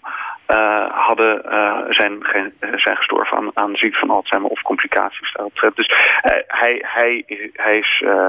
hij, ja, de kans dat hij het zal krijgen is daarmee zeer, uh, zeer groot.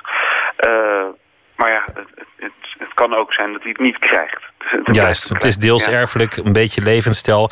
Laten we hopen dat de wetenschappers, zoals jouw uh, jeugdvriend, uh, grote vorderingen maken en iets, ja, iets ik denk, vinden. Ik denk dat we, dat we hoop moeten zullen blijven houden. Uh, waaronder ook op de Nobelprijs voor mij. Laten we dat ook niet... ook niet onbelangrijk. nee, ook niet. en. Die... En Arf, Arfan, die, die, die achter de kans is groter dat ik hem zou krijgen dan hij. Terwijl hij toch vrij geniaal is. Of misschien omdat hij geniaal is, juist. Ja, dan ben jij toch ook, Ernest? Kom. Ik weet niet, zo geniaal. Ik heb bij Arvan in de klas gezeten. Dat was toen al een, uh, zeg, maar, zeg maar alsof je met Einstein uh, in de klas zit. okay. ik, ik, ik, ik, denk dat een aantal leerlingen, uh, de, die zullen nu niet luisteren, maar die, die, die hebben een gymnasiumdiploma dankzij Arvan Ikram, omdat hij niet te beroerd was om af en toe zijn, zijn, zijn overhoringsblaadje of waar hij de antwoorden in veel iets hoger hield, zodat de leerling achter hem ook kon, kon meekijken. Nog aardig ook. Ernest van der Klas, ja. dankjewel. Goeie nacht en uh, morgen weer een verhaal. Weer terug naar mijn hotelkamer. Ik heb hier de, de, de nachtportier tot schrikken gebracht. Dat ik slaap in, in, in Villa Augustus. Maar die man begreep niet dat ik met mijn laptop uh, de, de, Oh, die dacht dat je een, een, laptop aan die jatten was. Ja, ik heb, het is me ook niet gelukt om in die korte tijd een, een, een trui goed aan te trekken. Dus uh, misschien, misschien is die ziekte van Alzheimer. Uh, goed, ik ga hem zo even geruststellen dat, dat oh, ja, ik jou aan de lijn had. Nachtportiers ja. kijken altijd ongerust hoor, dat is deel van hun werk. Ook als je gewoon legitiem binnenkomt. Wat, nou, wat was de laatste keer dat een nachtportier ongerust naar jou keek? Alle keren. Als ik s'nachts een hotel inkom, kijken ze altijd ongerust. Wie er ook uh, meekomt. Geen goed teken. Ernest, dankjewel. Hele goede nacht. Wij gaan luisteren naar uh, Beck uit 2014. Morning Face heette de plaat. En het nummer heet Turn Away.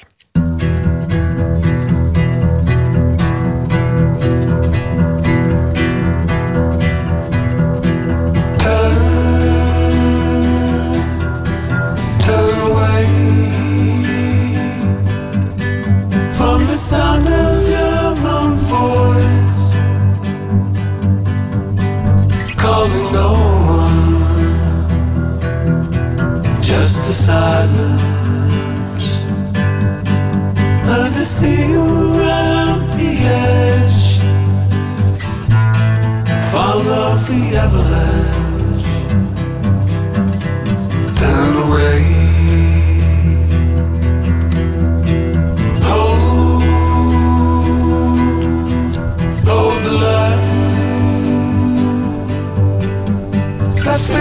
fixes you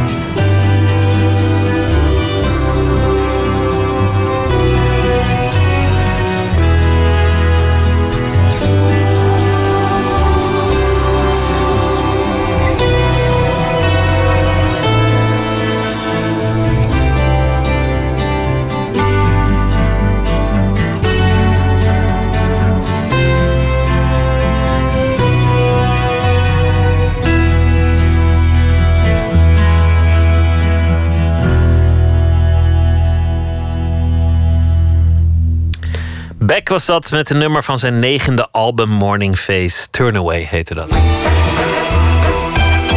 Nooit meer slapen. Aanstaande zondag worden de Oscars uitgereikt. Wordt natuurlijk weer een mooie avond met uh, dankwoorden, sterren en mooie kledij.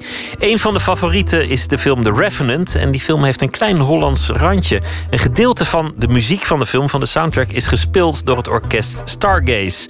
Een ensemble uit Berlijn vol jonge klassiek geschoolde muzikanten. Waarvan velen uit Amsterdam komen. Jan-Paul de Bond zocht een van hen op en sprak ook met de dirigent van Stargaze.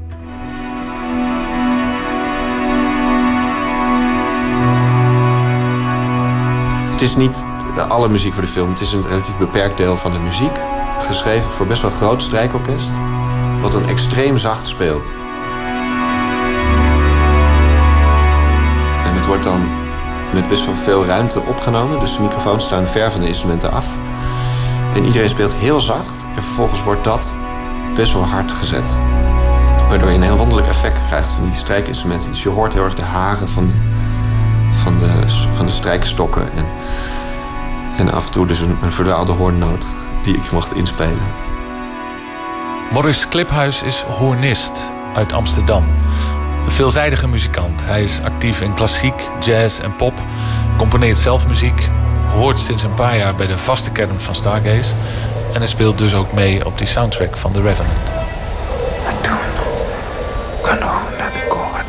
Wat me bijstaat is dat ik ging even in de controlekamer luisteren... en hij had op een bepaald moment een soort fluisterende dialoog... tussen twee of drie personages. En dan had hij tussendoor hele zachte strijkersakkoorden geschreven. Zodat je iemand hoort fluisteren. Een noot en dan weer een paar, paar woorden. Sino,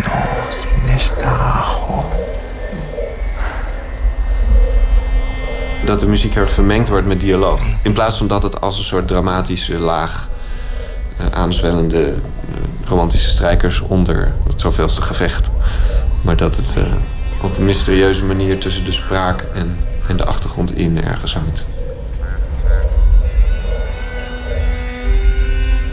Wat is Stargaze? Dat is een goede vraag. Stargaze is een collectief, Europees collectief van gelijkgestemde jonge muzikanten die een klassieke achtergrond hebben en op een flexibele manier met popmuziek kunnen omgaan. Bijna iedereen schrijft ook. Iedereen kan ook wel improviseren of op een vrije manier spelen. Um, dus het, is, het, voelt een beetje alsof we een bandje hebben, maar dan niet met gitaren en drums, maar met uh, violen en, en hoorn en hobo en fluit en dat soort instrumenten. En we worden ook gewoon geregeld een dag bij elkaar gezet en dan heeft niemand een plan. En dat, dat kan dan heel chaotisch zijn of uh, heel inefficiënt. Maar soms komen er ook hele goede dingen uit. Dus we werken in die zin ja, best wel als een band. Well, it's not a regular orchestra at all. I wouldn't even call it an orchestra, although it can become an orchestra when it needs to. Over the last two Dirigent en initiatiefnemer van Stargaze is André de Ridder, een Berlijner met Nederlandse roots. Hij doet nog steeds heel veel in de reguliere klassieke wereld. Maar hij mist daarin de flexibiliteit en het improvisatievermogen. dat hij nog kent uit de tijd dat hij zelf in een bandje speelde. Daarom begon hij drie jaar geleden met Stargaze. Niet alleen om samen te werken met andere genres, maar om die lossere manier van werken te integreren in een orkest. En dat trekt de aandacht. Able to provide it. Maybe there's a musician that knows how classical orchestras normally operate in these quite rigid and unionized ways, and they don't want anything to do with it. They they come to us because they know we're we're much more flexible in so many ways. In a way, I guess Stargaze is a, a laboratory for a genre-less or um, boundless possibilities in music. It's a core group of maybe five or six people who exchange ideas all the time, talk about. And, and, you know, it's a meeting of, meeting of minds, really. De meeste leden zijn wel ongeveer even oud. Zijn eind, eind twintigers, dertigers. En je merkt dat er wel een soort um, geest rondwaart. Uh, van mensen die niet per se zitten te wachten op de, de standaard orkestbaan middenin bij de tweede violen, zeg maar. En nou ja, ook door hun contact met popmuziek meer gewend zijn om op een flexibele manier te werken. En, en ook het leuk vinden om creatief meer, eh, meer invloed te hebben in projecten. En bijvoorbeeld ook uh, poptiming begrijpen. Waar je bij een ouderwets klassiek orkest niet. Dat, dat, is, dat is vaak lastiger daar. Uh, maar bijna iedereen van ons heeft wel getoerd met bands en zo. Dus samenspelen met een drummer, dat zit er wel op. Dat is heel leuk, want dan merk je dat je dus wat je normaal met een, uh, met een jazz- of popband zou doen, dat je dat ook kan doen met een klassiek orkest. Uh, als, als iedereen dat, ja, die skills heeft, zeg maar. Maar vervolgens kun je met dat gezelschap dingen die je bij geen enkel bandje of jazz-ensemble terug kan vinden. Ja, we kunnen aan, aan kleur kunnen we heel veel doen. heel veel mensen spelen ook meer dan één instrument. Ik speel dan zelf hoorn en cornet. Maaike, de fluitiste, speelt ook basfluit. En dat combineert dan weer heel mooi met andere instrumenten. Strijkers zijn gewend om allerlei uh, geluiden te maken met de stokken, met, met, op verschillende plaatsen op de snaren te spelen. Dus we hebben een best wel een, een mooie klankwereld die we kunnen maken met z'n allen. Ook omdat iedereen echt zijn eigen.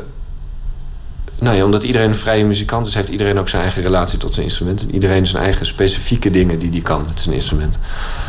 En daardoor klinken we natuurlijk anders dan ja, dan een willekeurig bij elkaar gebeld uh, orkest.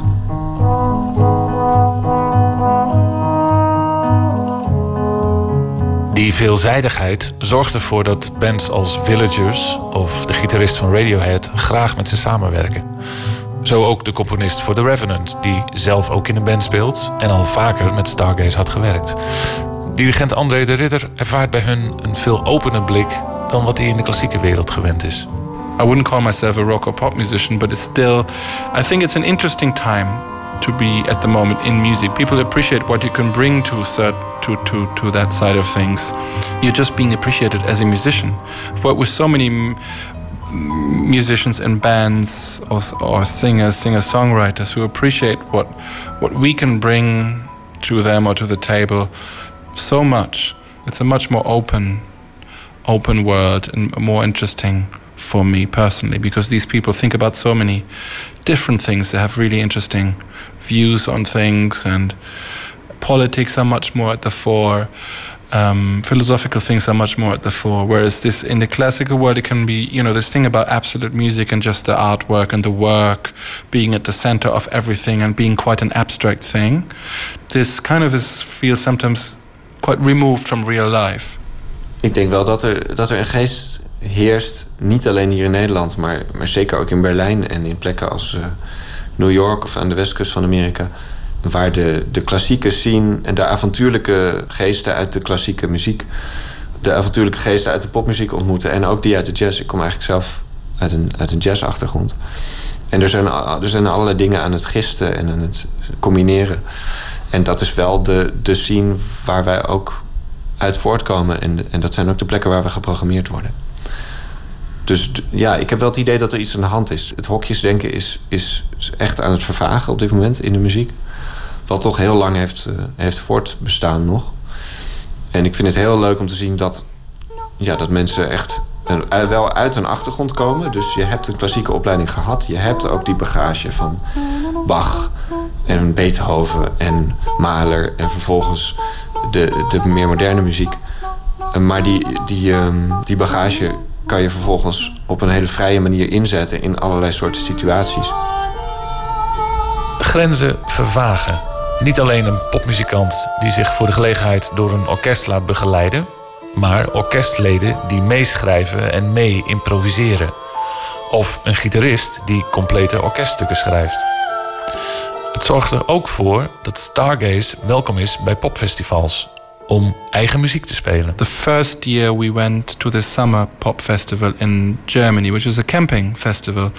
The first piece we played was a string quartet, and they started playing, and people were absolutely spellbound. And I wasn't playing; I just stood in the back next to the sound engineer, trying help helping out with the balance, and I could feel like real excitement that this was kind of I, I, was thinking this this was it because we're clearly people we were giving to people something they hadn't heard or hadn't heard in this context. And it was it was music that they hadn't heard before. Then they finished playing and people went absolutely wild jumped on their feet, standing ovations, and they were just absolutely. And this is when I got so high. that moment, I thought, okay, this is this could be the start of something. And that was the moment where I thought, okay, this connection uh, is really truly finding a new audience for contemporary classical music. Also, being part of a pop festival as a band, as it were, I didn't imagine I would ever be in a position to do that.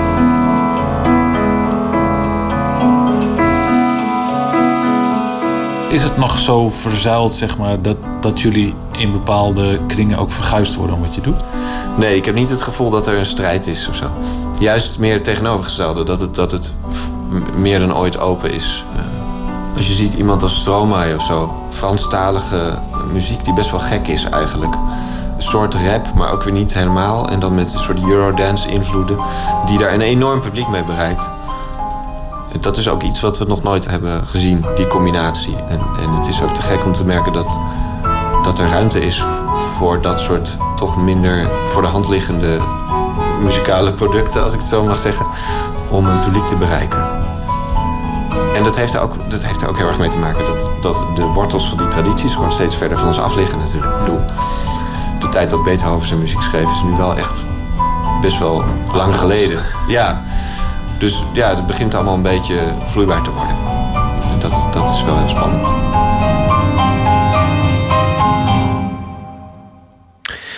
Een bijdrage over het in Berlijn residerende orkest Stargaze van Jan-Paul de Bond was dat. Ze is 66 jaar oud. Ze maakt al platen sinds 1971. Bonnie Raitt heb ik het over.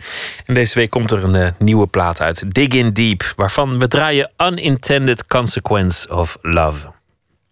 thank you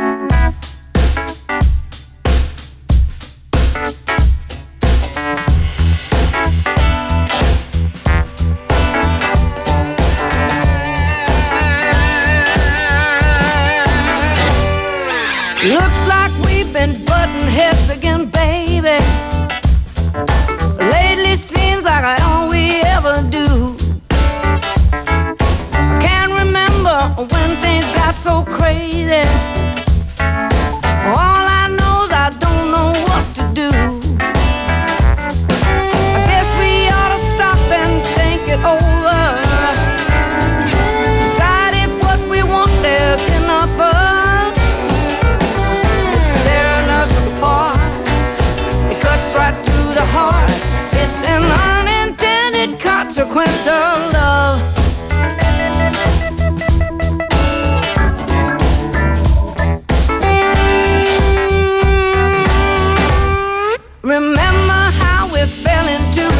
Baby?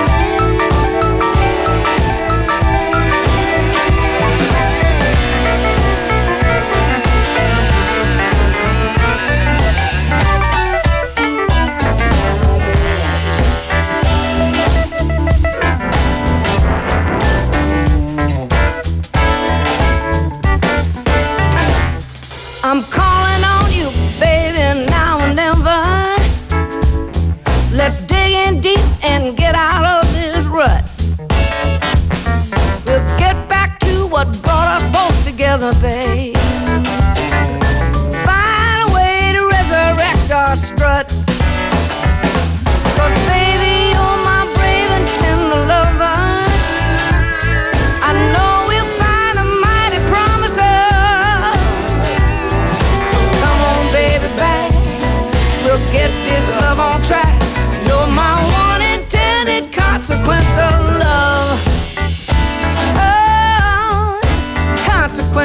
love.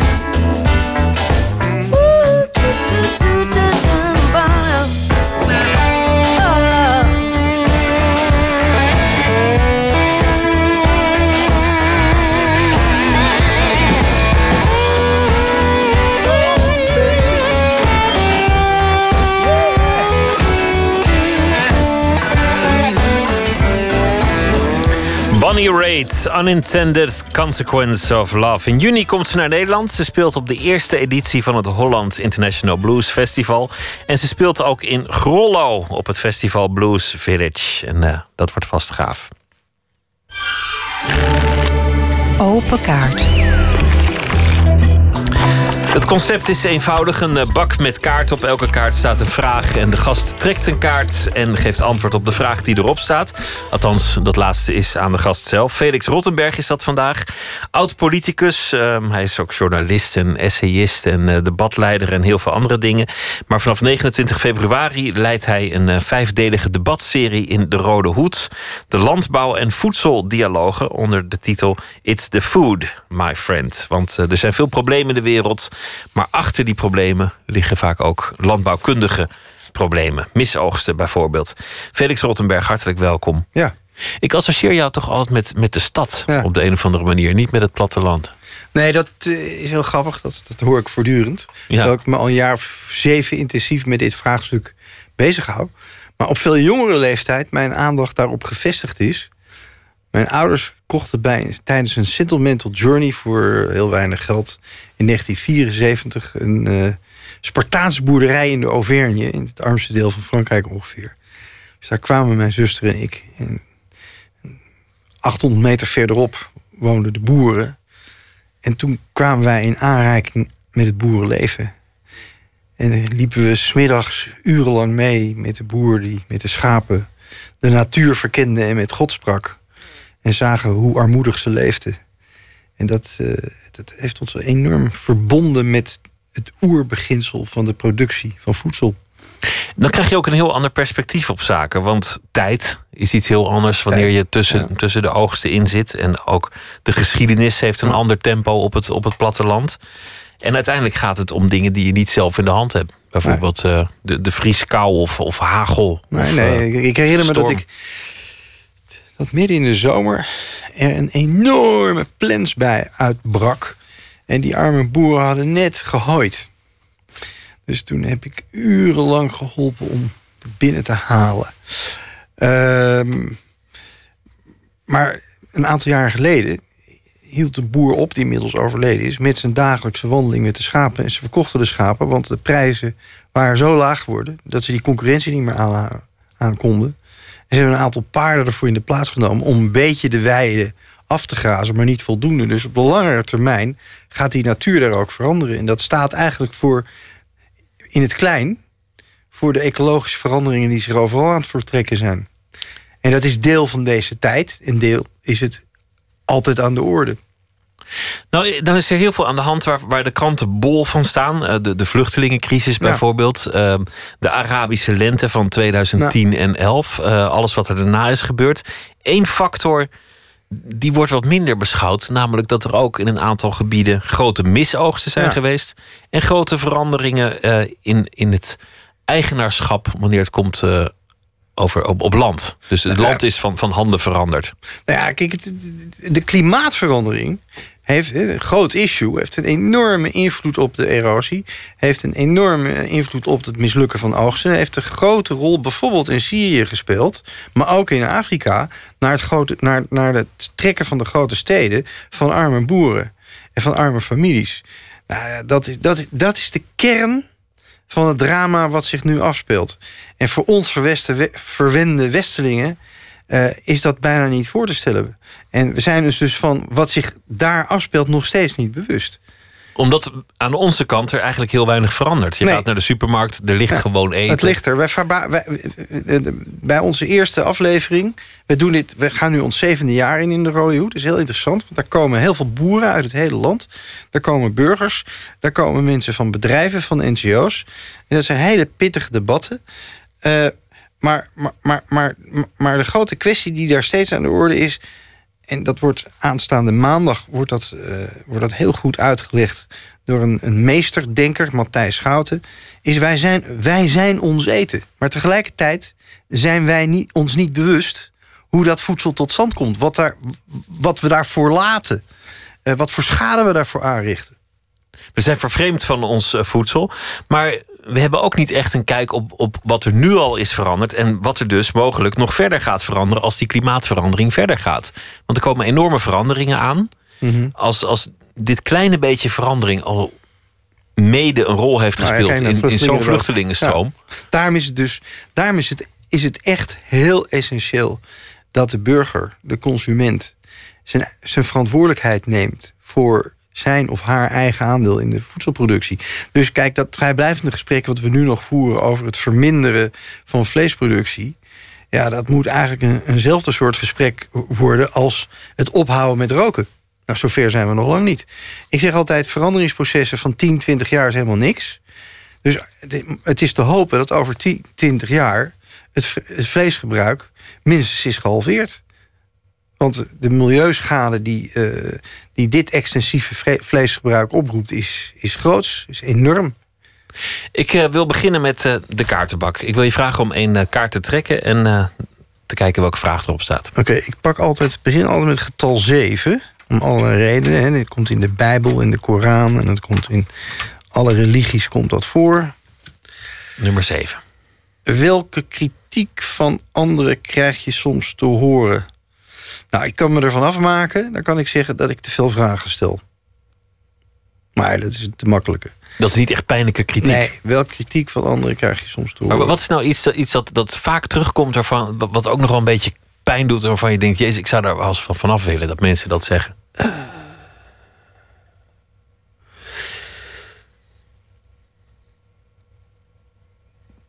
Vroeger was dat, kan je beter luisteren. Dat, dat heb ik wel geleerd, goed te luisteren. Ja, misschien toch dat ik veel te eigenzinnig ben. Veel te veel vasthouden aan mijn, aan mijn eigen... Te eigenwijs, dat je een eigenheimer bent. Ja, en, en eh, eh, waar ik het niet mee eens ben, is eh, zelfvoldaan. Wordt dat vaak gezegd? Nou ja, kijk, Amsterdammers. een bepaalde Amsterdamse manier van optreden. Ik ben er geboren en getogen Amsterdammers. Eh, daar wordt zelfbewust wel eens verward met zelfvoldaan. Niet zo lang geleden, je hebt, je, hebt, je hebt een hele lange carrière in de politiek, buiten de politiek. Niet zo lang geleden was er de, de kwestie van de kiescommissie van de Partij Oh, ja. van de Arbeid. Jij roerde je daarin. En, en veel columnisten vielen over jou. Ja. En, en wat mij opviel was dat daar ook meteen een kwalificatie van jou als persoon achteraan kwam. Dat ze zeiden, zie je wel, met die Rottenberg krijg je dat nou eenmaal. Ja, daar, daar had ik even twee weken weer last van. Zou, je zou wel een onmens zijn als je daar geen last van hebt. Dan zou je van beton zijn. Ja, dat kan niet. Dan ben je een, een idiote tevalpan. Maar het is ook wel een tsunami van, van, van, van columnisme en van goedkope stukjes die, die over je heen valt. Dus op een gegeven moment implodeert dat weer. Ehm, maar iemand die zich roert. eh, overigens is dat in Nederland is dat heel makkelijk. Hè? Dus het is helemaal niet dapper. Het is totaal niet moedig, zeg ik er altijd bij. Maar die toch iets buiten de lijnen loopt. Ja, god, die wordt, eh, wordt snel te pakken genomen. En het wordt ook weer heel snel vergeten. Want dit incident ligt alweer 100 jaar 15 achter ons. Ja, precies. Goed gezien. Ja, ja. Neem nog een kaart. Ja.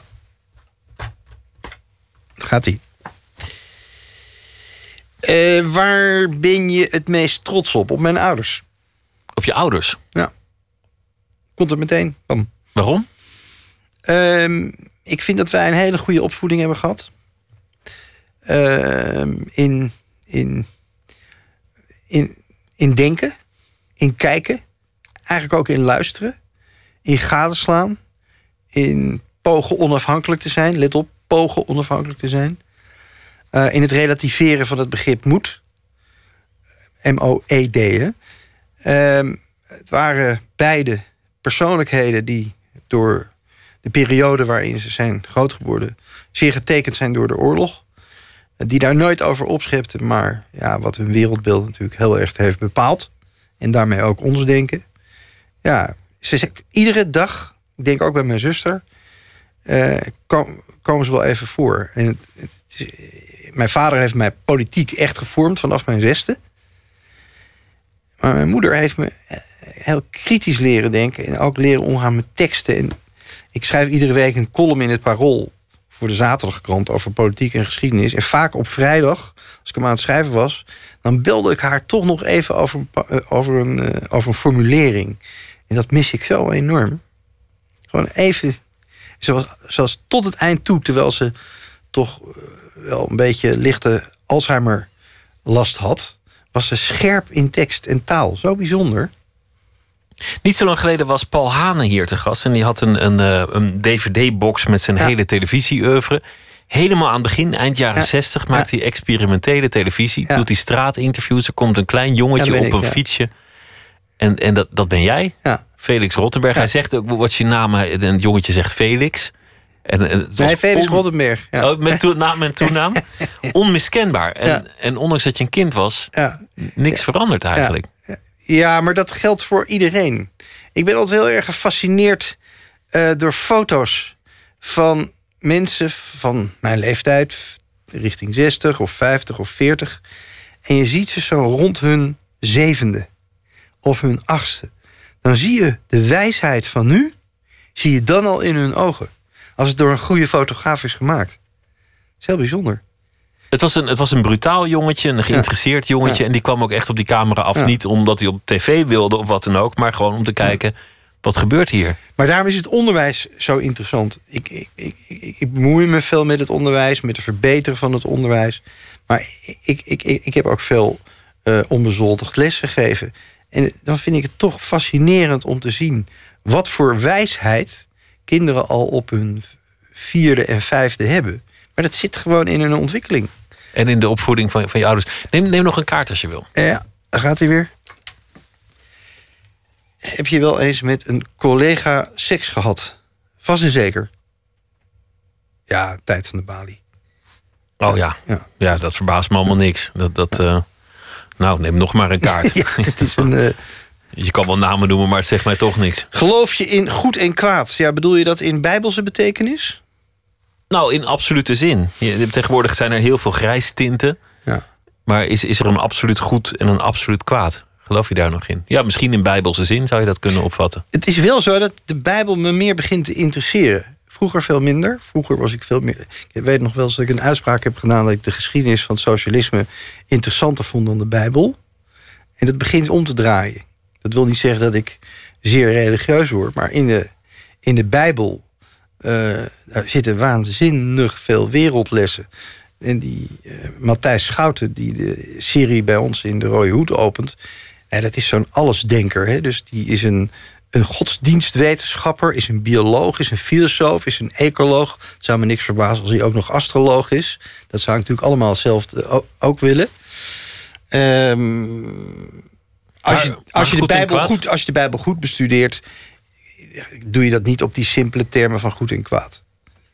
Maar kijk je wel naar hoe eh, in, de, in de mythologie eh, van de verhalen die in de Bijbel voorkomen, eh, mensen omgaan met rampen en voorspoed.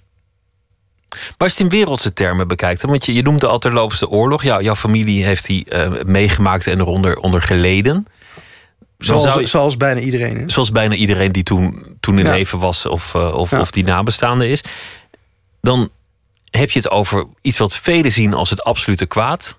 Maar dat door veel historici ook wel is ondermijnd als absoluut kwaad. Omdat mensen zeiden van je moet het begrijpen. Je moet zien waar het vandaan kwam. En dan, Ja. en dan kan je dat invoel, invoelbaar maken. Nu je het zo goed precies doorvraagt, herinner ik mij dat mijn zuster. eh, die, die heeft mijn vader een keer geïnterviewd. Over de invasie. Want hij werkte bij de Engelse marine. En toen sprak hij een aantal zinnen uit die ik hem nog nooit had horen zeggen. En toen zei hij: Het gitzwarte kwaad van het fascisme. Hij zei ook altijd: hè? Hè? Zo. Ja, Ja. hè? Hè? En dat, dat, was het summum van het kwaad. Geloof jij dat? Nou ja, wat, wat, wat zij hebben meegemaakt en hebben gezien. Wat wij ons steeds weer proberen voor te stellen. Dat was natuurlijk het summum van het kwaad. En het is soms onvoorstelbaar. Tegelijk is het ook, ook eng bijna hoe je, als je de biografieën kent of, of Ja. bepaalde boeken leest, bijna in de voeten kunt kruipen van iemand die in zo'n systeem opgroeit of, Ja. of verzandt. Ja, Dat je het kwaad in jezelf bijna ziet. het, is, het is natuurlijk ongelooflijk. Het was natuurlijk een hele andere tijd. Hoe, hoe in zo'n korte periode in, in Duitsland geïsoleerd, onderdrukt, eh, economisch onderdrukt, het nazisme zo'n succes kon worden. En mensen die toch een beetje helder kunnen denken, daarin meegaan. Dat, dat, dat, dat, zou, daar kunnen we niet bij. Maar ja, tegelijkertijd spelen zich nu toch ook weer in de wereld allerlei conflicten af. Waarbij ook niet helder wordt nagedacht. En er zijn nu ideologieën die net zo gruwelijk zijn. exact, en, en waar- die net zo om zich heen grijpen. Onder het mom van godsdienst. De, eh, gewoon de meest verschrikkelijke dictaturen zijn. Felix, dank je wel voor je komst. En heel veel succes met eh, de lezingen in eh, de Rode Hoed in Amsterdam vanaf maandag. Dank je wel. Zeer bedankt. Cameron A.G., geboren in Nicaragua, waar zijn ouders werkten als zendeling. Op zijn twaalfde verhuisde ze terug naar Engeland, Oxford, waar hij eh, naast de kerk van zijn vader kinderen ging leren muziek te maken. En nu wachten we op een debuutalbum, maar de eerste opnames die zijn er al en eh, die grijpen ook om zich heen op het internet. Zoals bijvoorbeeld dit stuk, Way Back Home. Hier is eh, Cameron A.G.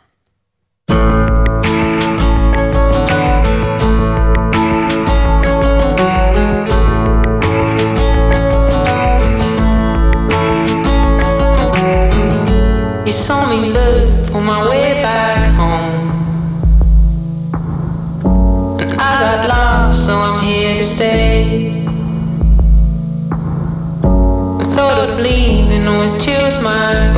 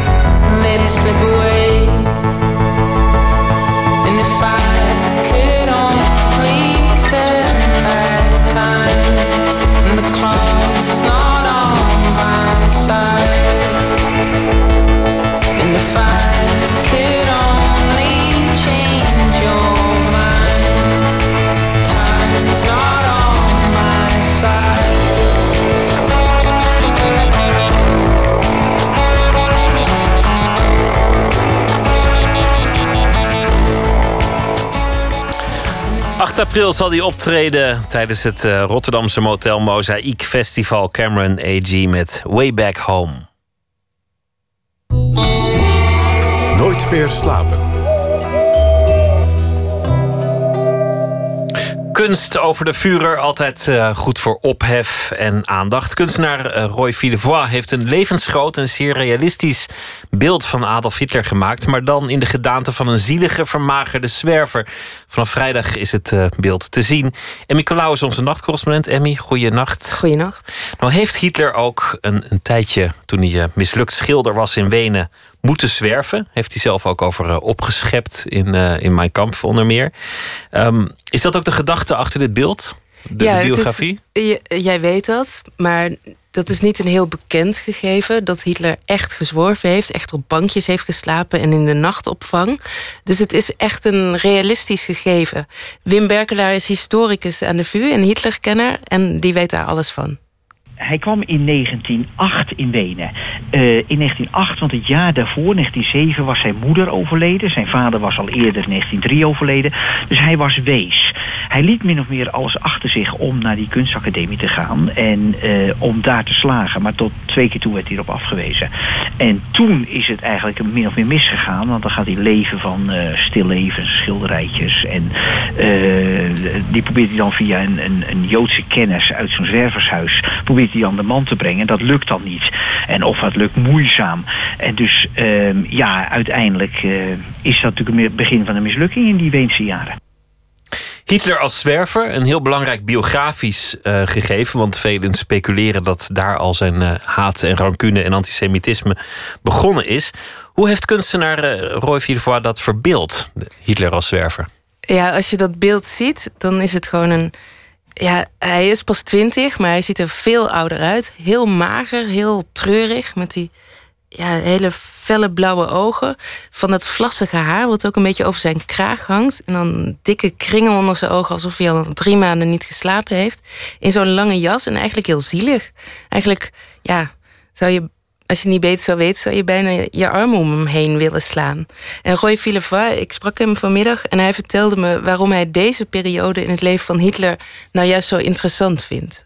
Je ziet, het is een loser, dit is iemand waar je aan voorbij loopt. Uh, ja, dat zijn de mensen de eenlingen die buitengesloten zijn. En wat voor een kans hebben ze? En dat moment is nog, laat ik zeggen, onbelast van wat wij daarna natuurlijk weten. En wat je ook op probeert te projecteren, dat is natuurlijk ook hetgene wat dat beeld uh, spannend maakt. Dat je erop gaat projecteren de walging die je erover uh, voelt. Hè? Als je weet wie het is. Het is een heel levensecht beeld. Het is ook een, ook een, een, beetje een eng beeld. Hij heeft er ook wel een enge man van, uh, van gemaakt. Wilde hij medelijden opwekken of wilde hij gewoon iets, iets laten zien? Ja, wat hij er precies mee wil laten zien, dat, dat vindt hij zelf ook nog ingewikkeld. Dat, daar kom ik zo nog op terug. Maar die beelden van Roy Villevoix, hij heeft er meerdere van dit soort beelden gemaakt, maar dan van onbekende mensen. En dat is gewoon echt heel raar, een hele rare sensatie om daarbij in de buurt te zijn. Want dat, dat is alsof je bij een echt mens staat. Maar het is niet echt, waardoor het eigenlijk nog raarder wordt. En je kan er dus ook na je aanvankelijke schrik... eigenlijk kun je er ook heel dichtbij gaan staan. En dan kun je dus ook iemand ongegeneerd in zijn neusgaten staren of zo. En als het dan bij Hitler gebeurt, dan is het natuurlijk helemaal heel vreemd. En dat die reactie die, die ik had op die beelden, dat heeft eigenlijk uh, iedereen die zijn beelden ziet. Hij weet dat ook wel. Ja, je kunt dus iemand ontmoeten die je niet kent.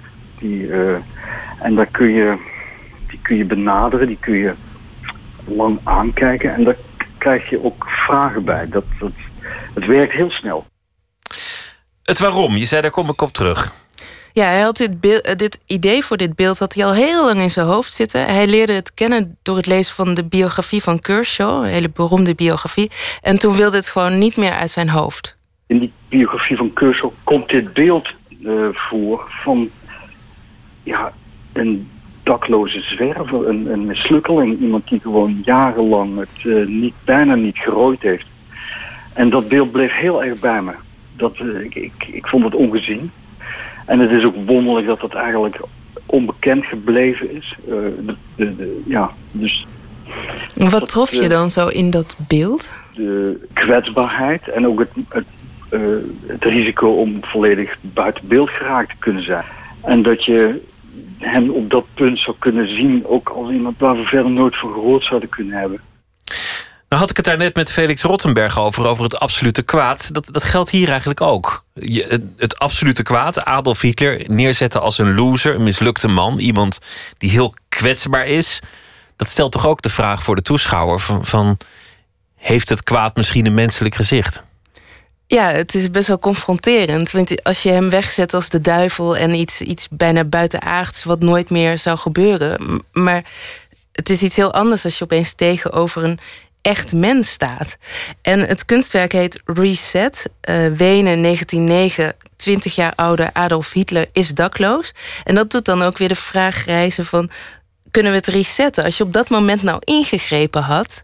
Was, het, was dan de hele geschiedenis anders geweest? Als ze hem toch hadden toegelaten tot de kunstacademie... was het dan misschien anders gelopen? Ja, en ik vroeg aan Wim Berkelaar... of, of je nou vanuit zo'n biografisch gegeven ook iets kan verklaren wat valt te verklaren is dit. Dit leven kan, heeft uh, om te beginnen um, in die Weense jaren enorme wrok opgebouwd. Maar, ik zeg er wel bij, een verklaring van die rancune en van die mislukking en, en die wrok is er wel. Maar een verklaring van de jodenhaat is niet onmiddellijk in Wenen te vinden. Nee, want die kwam eigenlijk pas een aantal jaren later. Tenminste, zover we weten dan. Er is altijd veel op gespeculeerd. De, de, de haat die hij voelde. Hij voelde zich verheven boven de andere zwervers.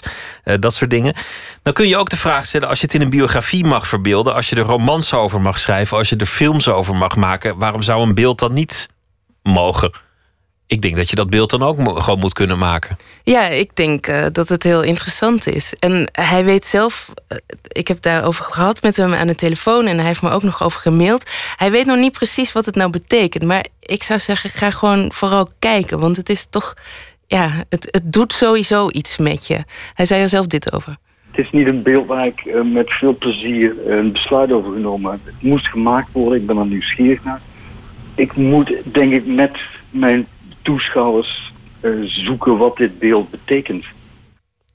Het beeld is eh, te zien tijdens de tentoonstelling Hacking Habitat in eh, Utrecht vanaf vrijdag aanstaande van Roy Villevoix. Dankjewel, en Nicolaou. Goeienacht. Goeienacht. Nederlands enige echte troubadour heet eh, Lucky Fons. De derde sinds jaar en dag. Hij is inmiddels 34 jaar oud. En hij eh, zingt het liefst in het Nederlands. Het nieuwe album, dat is het dan in het Nederlands. In Jenaki. En daarop staat dit nummer, Een rare tijd.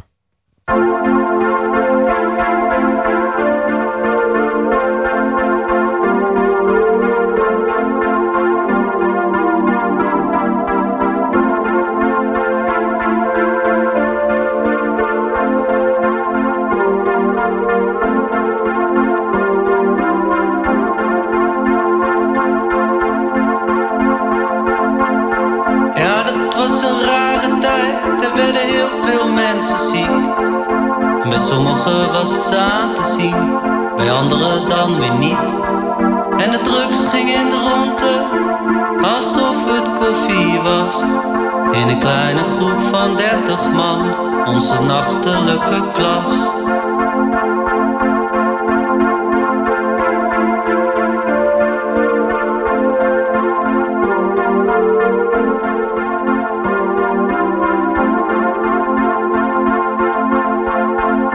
En ik, zat er ook bij, ik was degene met het geld.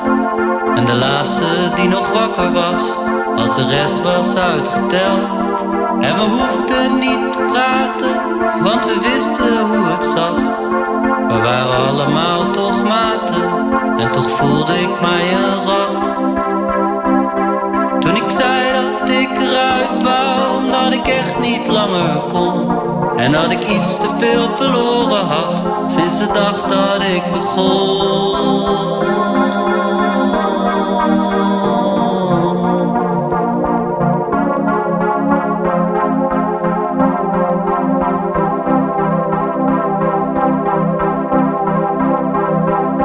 Dat is lang geleden, en nu denk ik nog wel vaak. Hoe het anders was geweest als ik die stap niet had gemaakt. Was ik nu dan minder saai geweest? Had ik nu dan minder stress? Had iedereen het overleefd? Ging het beter met de rest.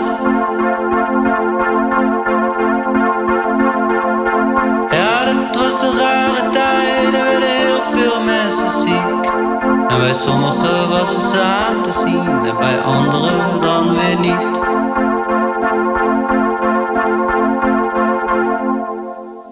Lucky Fons de derde, een rare tijd. Janna Loontjens is eh, schrijver, dichter en filosoof. Binnenkort verschijnt een nieuwe essaybundel van haar hand, Roaring 90s, waarin ze een beeld schetst van de jaren 90. En ze zal deze week elke nacht een gedicht uitkiezen en voordragen. Een van haar favorieten. En vannacht koos ze een gedicht uit Polen.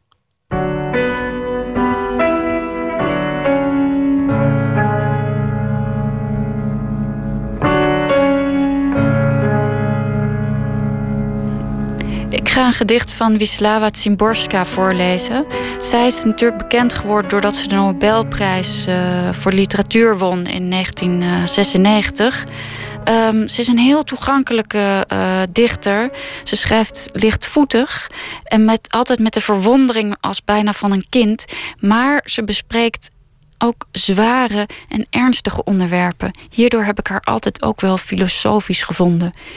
Ik zeg niet te veel, want de gedichten spreken heel erg voor zich en ze zijn zeer toegankelijk. Dit gedicht heet Een titel hoeft niet. Hier zit ik dan onder een boom aan de oever van een rivier op een zonnige morgen. Een nietige gebeurtenis die niet de geschiedenis ingaat. Hier zijn geen veldslagen en pakten waarvan de motieven worden onderzocht, of gedenkwaardige tirannenmoorden. Toch zit ik aan de rivier, dat is een feit. En nu ik hier ben, moet ik ergens vandaan zijn gekomen en daarvoor op nog vele andere plaatsen zijn geweest. Net zoals veroveraars van landen voor ze aan boord gingen. Zelfs een vluchtig ogenblik heeft een rijk verleden. Een vrijdag voor de zaterdag, een mei die aan juni voorafging. Het heeft zijn eigen horizonnen, even werkelijk als in de veldkijkers van bevelhebbers. De boom is een populier die hier al jaren wortelt. De rivier is de Raba die langer stroomt dan vandaag. Het paadje is niet eergisteren pas door de struiken gebaand. Om die wolken te kunnen verjagen, moet de wind eerst hierheen hebben gewaaid. En hoewel in de buurt niets groots gebeurt, is de wereld daardoor nog niet armer aan details, niet minder gefundeerd, niet zwakker gedefinieerd dan toen volksverhuizingen haar in hun greep hielden. Niet alleen geheime complotten worden in stilte gehuld. Niet alleen kroningen gaan van een gevolg van oorzaken vergezeld. Rond kunnen niet alleen de jubilea van opstanden zijn, maar ook de ontspoelde steentjes aan de waterkant.